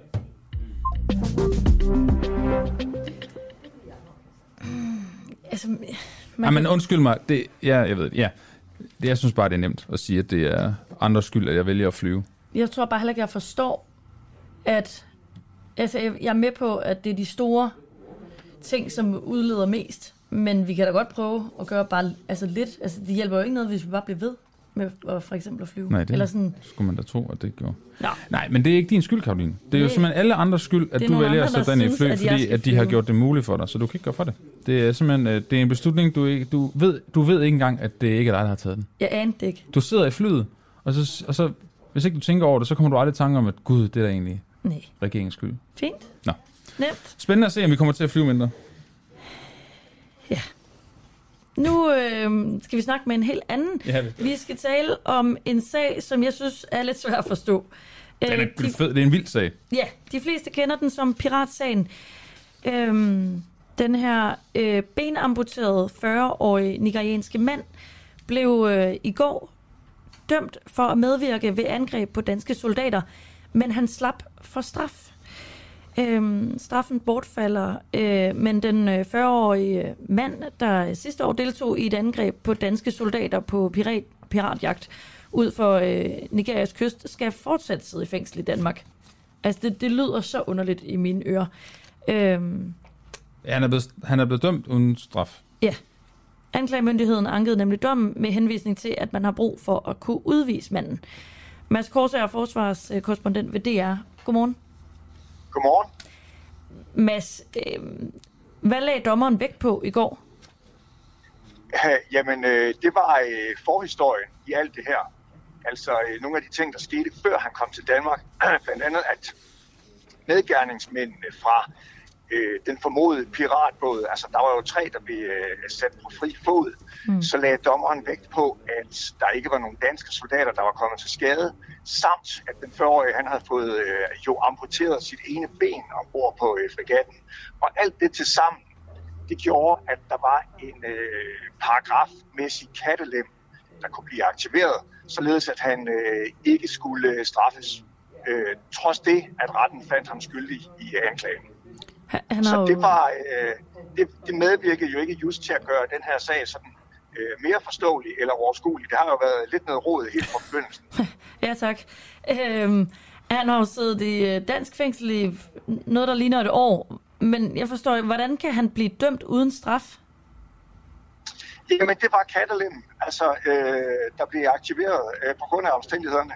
Og nu, nu forestår der jo så et større regnearbejde øh, og, og afklaringsarbejde. Altså, hvad, hvad skal det koste øh, eventuelt for, øh, for den danske stat, at han til Sydlandet har siddet i dansk varetægt i et år? Øh, det er nogle af de ting, som øh, den nærmeste tid skal afklare.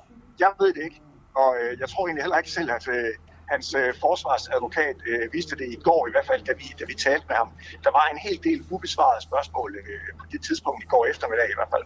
Men Mads Kors er med frygt for at være øh, nærmest konspiratorisk eller, eller alt for spekulativ, og så siger du bare øh, stop hold, det, det er helt okay. Så, så synes jeg, det lugter af det her, at vi har at gøre med en mand, vi øh, gerne vil straffe, men måske også er fanget i, at vi ikke rigtig sådan ved, hvad vi skal stille op med ham. Og så kommer der en dom, som Ja, Karoline siger det meget godt. Altså, vi ikke rigtig forstår. Altså, jeg ved, og jeg ved ikke, om du kan høre spørgsmålet i det, i det jeg siger her, men altså... ja. Men forstår du, hvad jeg mener? Altså, at, at, at vi, vi har en mand ja. her, som, som øh, vi synes skal straffes, fordi vi synes, han har gjort noget lovligt, men vi ved heller ikke helt, hvad vi skal stille op med vedkommende i forhold til, hvad er vores ansvar i forhold til hans situation rent fysisk og hele, he, hele forløbet indtil nu. Og så ender man, sjovt nok, eller et eller andet sted, hvor man siger, at du har gjort noget lovligt, men vi straffer dig ikke. Jamen præcis. Altså det, det er en nærliggende tanke, som øh, forsvarsadvokaten eller den 40-årige forsvar også havde. Øh, men det sjove var, at han i sin procedure opfordrede til ikke at tage den nemme løsning, altså netop den nemme løsning, der hed, øh, kende ham skyldig, og så give ham øh, et års fængsel, som sjovt nok ville svare til det, han havde siddet, og vupti, øh, så var det problem løst, mm. så, kunne han, øh, så kunne han rejse videre, og, og alle kunne og den lettede op, som, som var noget af det, øh, forsvarsadvokaten skrev. Øh, men det skete faktisk ikke. Øh, det var en helt øh, tredje løsning, der blev øh, taget i anvendelse her, altså der, hvor, øh, hvor straffen så at sige blev øh, fjernet fra ligningen. Så, øh, så, så det kom egentlig lige så meget bag på, øh, på forsvarsadvokaten, som jo havde forudset en i gåseøjne øh, nem løsning fra, øh, fra anklagemyndighedens øh, side og fra, og fra retsvæsenets side. Men altså, det skete så ikke. Nu, nu var det så bare en anden slags øh, nem løsning. Jeg fornemmer ikke rigtigt, at der er blevet sat et punktum i den her sag. Øh, hvem, hvem har vundet Nej. indtil videre? Det er der på ingen måde. Øh, jamen altså, som jeg ser det, så er der ingen, der har vundet i den her sag. Øh, der er en teoretisk mulighed for jo, at de sømænd ombord på nogle af de civile fragtskibe i området, som, øh, som undgik at blive kapret, eller nogle af de civile fragtskibe, som i i perioden kunne sejle igennem Guinea-bugten med lidt mere ro i sindet. Øh, de har måske vundet, men alle andre, altså den 40-årige, de danske soldater, der var afsted, øh, regeringen, der sendte den her mission afsted, som jo har fået massiv kritik for, at det var noget værre rod. Altså alle på hele spillepladen har jo nærmest øh, tabt, eller i hvert fald ikke vundet. Okay. Og så har det kostet en, en, en hulens masse penge. Altså i, i februar i år blev der lavet et regnestykke om, hvor meget det havde kostet på daværende tidspunkt. Altså efterforskningsarbejdet og øh, det at sende den 40-årige til, til Danmark. Og før det, hvor man også sendte en masse politimænd til Ghana for, for at passe på ham. Der kostede det 4 millioner kroner. Øh, jeg har ikke set et regnestykke på, hvad, hvad der er løbet oveni siden da, men øh, det har i hvert fald ikke været gratis. Men Mads Korsa, er det for tidligt at spørge dig, hvad vi har lært af det her forløb? Nej, det er det ikke. Jeg, jeg, jeg, tror, jeg tror, jeg vil håbe, nogen har lært, at, at når Danmark skal øh, på mission i fjerne egne af verden, så skal det gerne være øh, som del af et større apparat, som oftest betyder, at så er der de der øh, afleveringsaftaler på plads. Altså de der samarbejdsaftaler, der skal være, som man kan altså aflevere tilbageholdte til retsforfølgelse og domsbehandling. Mm. Øh, det, det, det, er, det gør det bare lidt nemmere at operere. Det tror jeg, øh, at, at systemet har lært, eller myndighederne har lært. Mads Korsa, det, det, ja, det ved jeg ikke. Det, nej, det, det, det, det. det og derfor så vender vi tilbage til dig, tænker jeg, når vi, når vi er blevet endnu klogere. Øhm, så må ja. vi tage lærebogen frem og se, hvad vi kan skrive ned i den, ikke? Det skal I være velkommen til. Mads Korsa er forsvarskorrespondent ved VDR. Tak fordi du er med. Velkommen. Karoline, nu øh, skal vi til øh, det næst sidste interview i dag. Øh, det er med Thomas Skriver Jensen, der er medlem af Folketinget for Socialdemokratiet. Og det skal faktisk også handle om, øh, om, om den her aflysning af, af Pyrus altid julemand. Det skal dog handle om, om hvorvidt fokuset er, er helt skævt. Det, øh, det mener han. Og altså det, den kobling, der er blevet lavet her, er genial. Den er spændende, ja, det, synes jeg. Ja, det er det.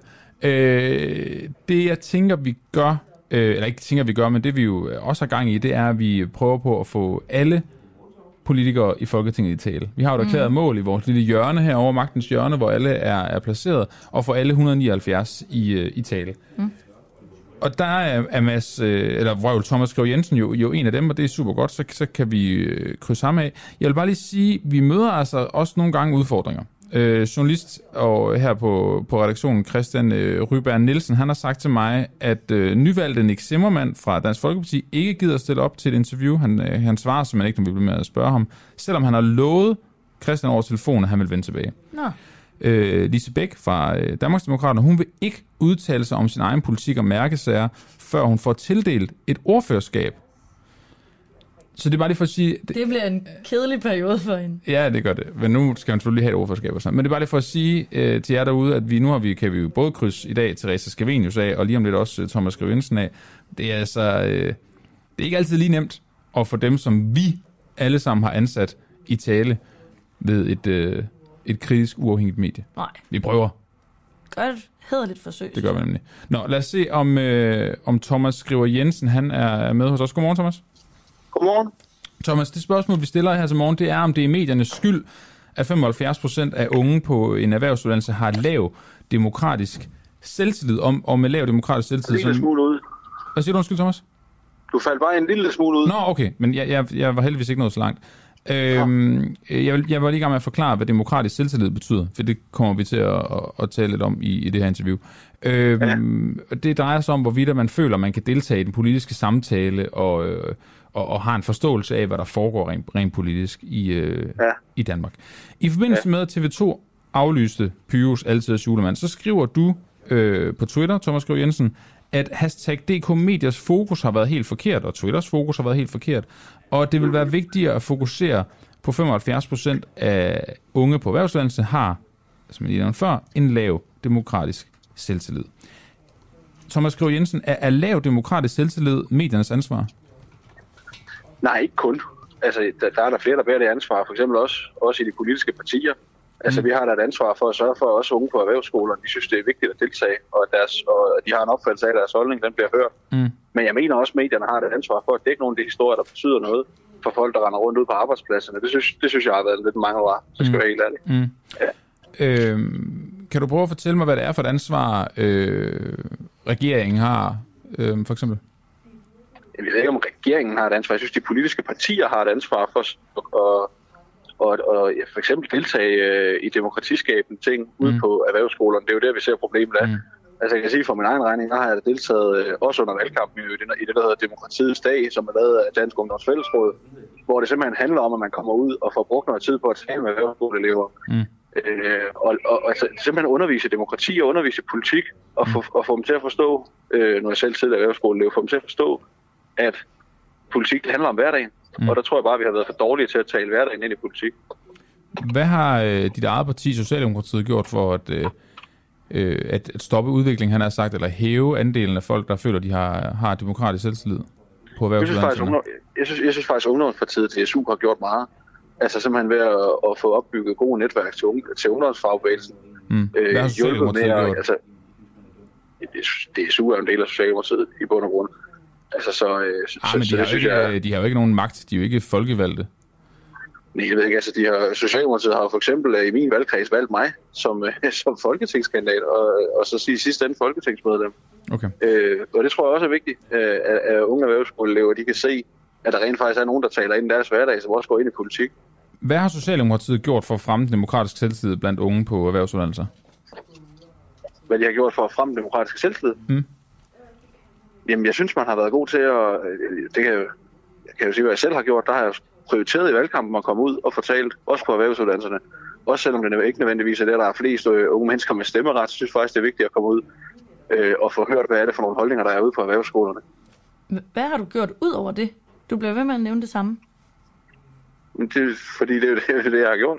Okay. Så er jeg været aktiv i, så, altså, Hvor mange gange har du været aktiv ude? i valgkampen tre gange. Øh, og, så gange? på, på, og så på tre FGU-skoler også faktisk. Okay. Det er den type uddannelsesinstitution, jeg har gjort mest ud af at besøge, fordi jeg synes, det er vigtigt. Mm. Så i løbet af valgkampens fire uger, så har du været ude tre gange. Hvad har du gjort sådan? Ja, og op til det også, altså da jeg var kandidat her, altså det er, jo- det er ligesom sådan en runde, Dansk Ungdoms Fællesråd, de kører en gang om året, hvor de tager rundt og besøger erhvervsskoler, og hvis det kan lade sig gøre, så er, der, så er, jeg, så er jeg med, når, øh, når de kommer forbi Fyn. Det har jeg været de sidste to-tre år. Har det virket? Ja, det synes jeg. Altså, jeg synes, jeg kan mærke, når fra man træder ind øh, af døren om morgenen øh, til det demokratiets dag arrangement. Jeg synes faktisk, øh, at når man går ud om eftermiddagen, at der er sket en forskel. Og der er blevet en større forståelse for, at politik det handler om hverdagen. Det hænger jo dårligt sammen med, at der er 75 procent på en erhvervsuddannelse, der mener, at de ikke har høj... Eller mener, undskyld, der Ja, mener, ja. at de har lav demokratisk selvtillid. Øh, Det vil jo være Ja, et helt- argument for, at det ikke virker. Ja, helt bestemt. Men øh, jeg sagde heller ikke, at vi var færdige nu. Jeg sagde bare, at man er godt på vej. Det er jo ikke noget, man lige løser med, mm. man, ikke, lige- man lige løser med et snuptag. Mm. Og det hænger jo lidt sammen med det, jeg siger. Det betyder også noget, at man som ung erhvervsskole kan se sig selv repræsenteret i den offentlige debat. Og der synes jeg, man er, man er langt bagud. I er jo i stort set alle partier. Mm. Altså med at sørge for, at, øh, at der er nogle flere faglige, der, der, der ser mening i at stille op også.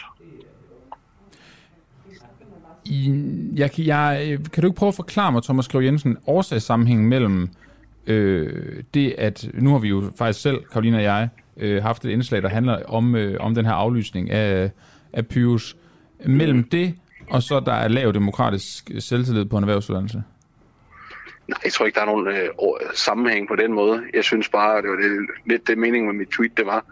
Jeg synes, det er vildt, at øh, aflysningen af en julekalender, eller det, at den bliver fjernet fra, fra TV2's platform der, at, at, at det fylder så meget mere, end at unges på erhvervsskolernes øh, demokratiske selvtillid, den er, den er sådan, som den er. Det synes jeg er et problem. Mm. Altså det handler hvis vi skal løse det, så handler det et eller andet sted, der kommer jeres rolle måske ind i det, også om, at vi snakker om det. Øh, og det synes jeg, vi er for dårligt til. Okay, hvad, hvad, hvad er det, du synes, medierne skulle have gjort anderledes? man skulle have dækket det væsentligt mere. Altså sagt, hvad i alverden er det, der er galt? Jeg synes, det er positivt, de gør det også her, og, mm. og, og, spørger, og stiller mig nogle spørgsmål til, hvad jeg ligesom synes, øh, jeg har gjort, og hvad jeg synes, jeg kan gøre, og hvad jeg mener, man skal gøre i fremtiden. Det synes jeg er vigtigt. Ja. Øh, fordi så bliver vi ligesom også øh, som politikere et eller andet sted taget, nødt til at tage stilling til det. Det synes jeg er vigtigt. Så, så hvad, hvad skal der gøres herfra, for at øh, den her procentdel den bliver lavere? Jeg synes, det er vigtigt pressemæssigt, at der bliver dækket noget mere øh, fra hverdagen. Altså, hvad bet- at man simpelthen har den tilgang til, til at dække politik, og hvad betyder det for hverdagen? Øh, for eksempelvis øh, unge mennesker på erhvervsskoler, synes jeg tit, øh, Men Jeg synes, politik bliver dækket sådan ok meget i de danske medier. synes du, ja, politik gør, Ja. men ikke, øh, ikke, ud fra et, ud, ikke ud fra et hverdagsperspektiv. Øh, for erhvervsskoleelever, der synes jeg, der er mange, der, der føler sig talt, altså, der bliver talt hen over hovedet. Det kan jeg mærke selv, at jeg på en erhvervsskole også. Har man ikke øh, selv et ansvar for også at opsøge det? Jo, det har man, jo, selvfølgelig har man det. Altså, og som sagt, så er der heller ikke én løsning, der er den rigtige.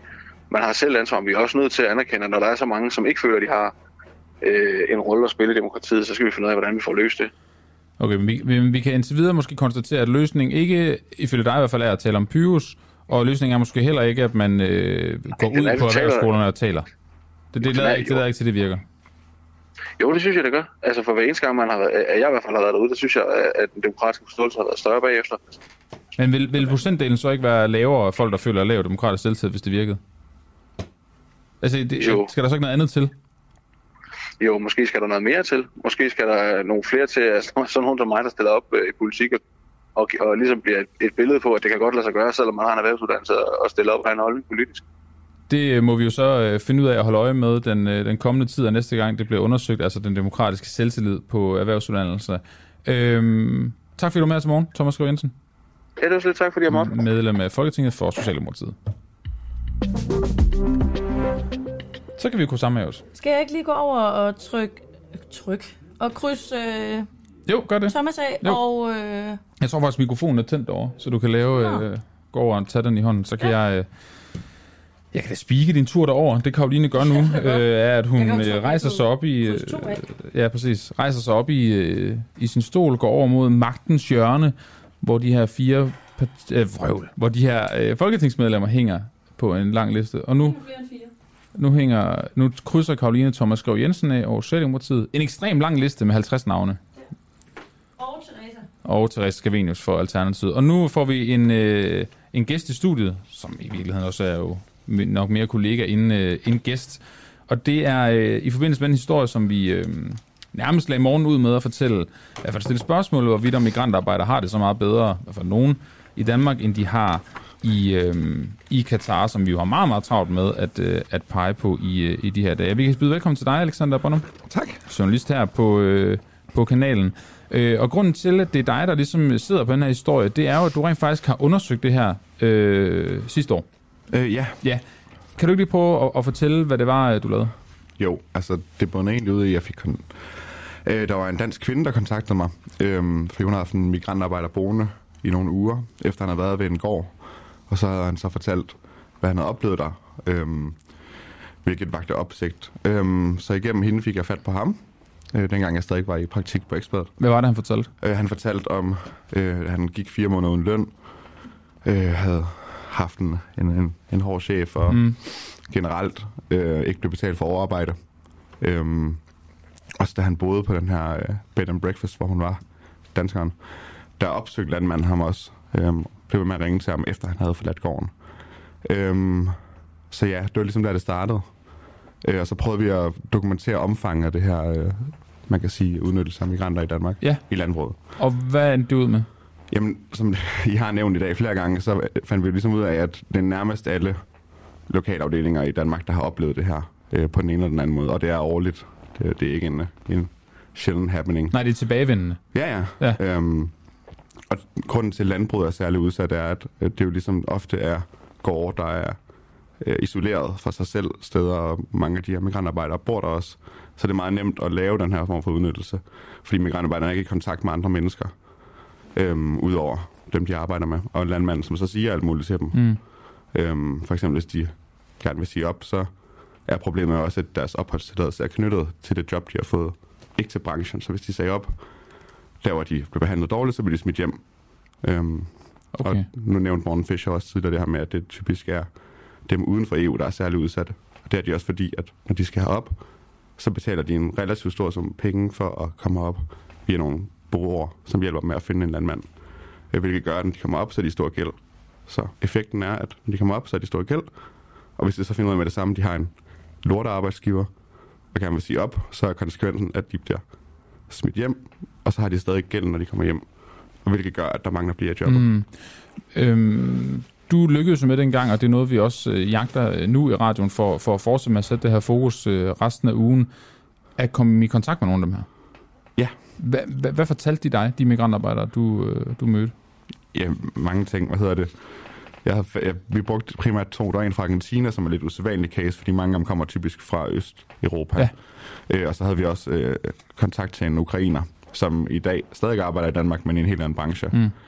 Øhm, og de fortalte det samme. Altså, de fortalte om, at, at overarbejde og overtidspenge, øh, det var ikke noget, som landmand som sådan gik rundt og regnede på. Altså, de fik, ukrainerne fik fast for 160 timer i måneden, og det var den samme kontrakt.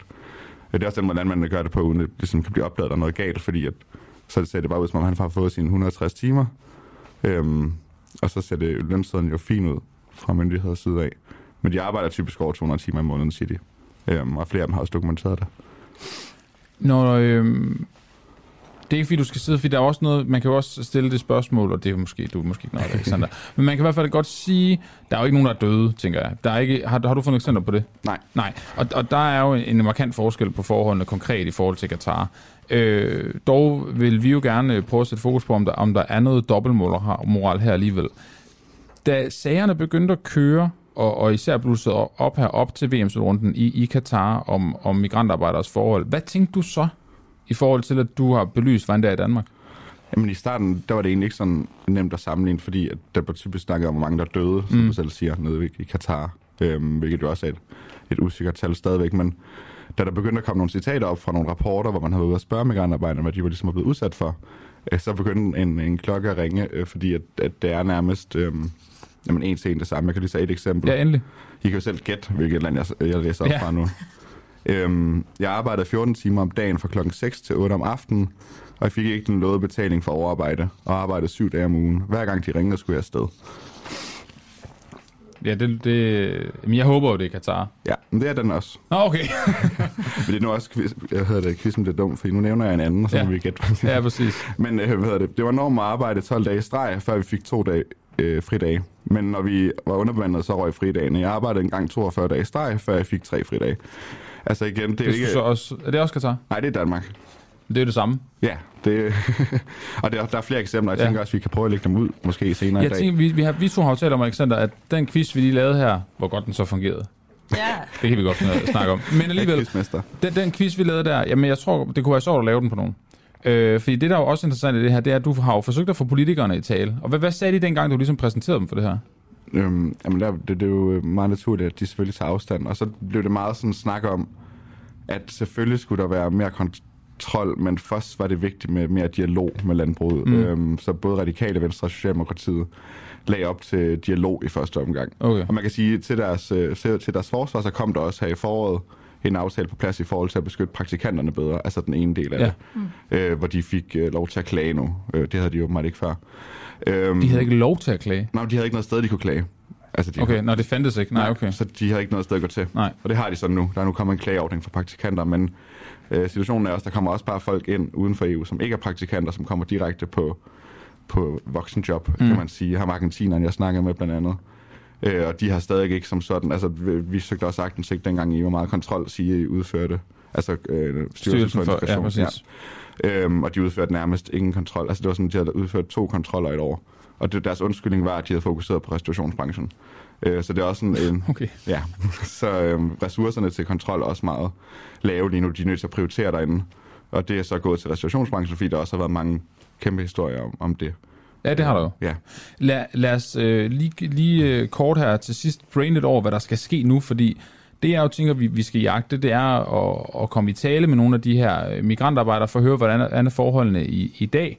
Øh, og det skulle egentlig også meget sjovt, synes jeg, at høre, hvad de tænker om fokuset på Katar, hvis de selv går og har det sådan relativt røv. Ja. Altså, da jeg lige både hørte dine eksempler nu, men også læst øh, nogle af dem, jeg synes, det er fuldstændig vanvittigt. Jeg anede ikke, det foregik. Nej, og det er meget en til en. Ja. Nå, øh, så skal vi selvfølgelig høre politikerne, hvordan det går med dialogen omkring de voksne, siger vi sådan lidt her med situationstegn, øh, om de har haft en dialog.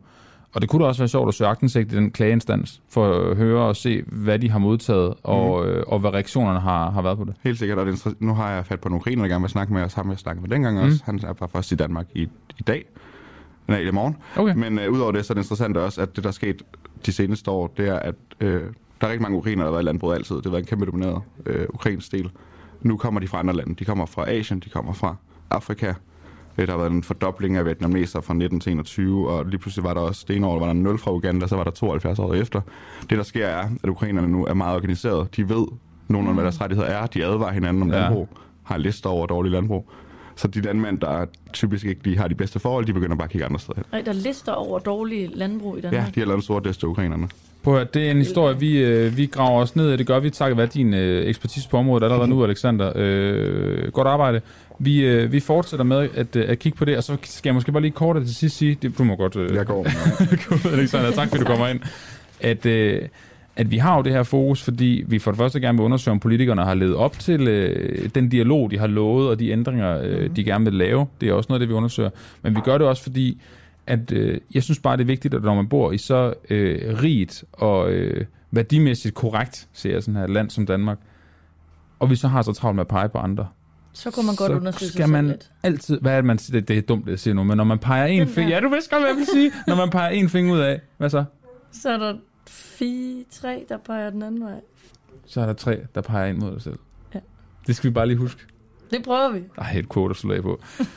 Karoline Kært, øh, det har været en fornøjelse med dig. I lige måde. Kan du have... Ja, vi går ud på redaktionen Vi skal Kan i I, samme rum. ja, kan I derude, jer der lytter med, om så I gør det live på Facebook, eller I gør det som podcast, have en, øh, en skøn dag, og så lyttes vi ved i morgen, hvor det er dig og Christoffer Lind, der sidder i studiet. Det er det nemlig. Ha' en rigtig god dag.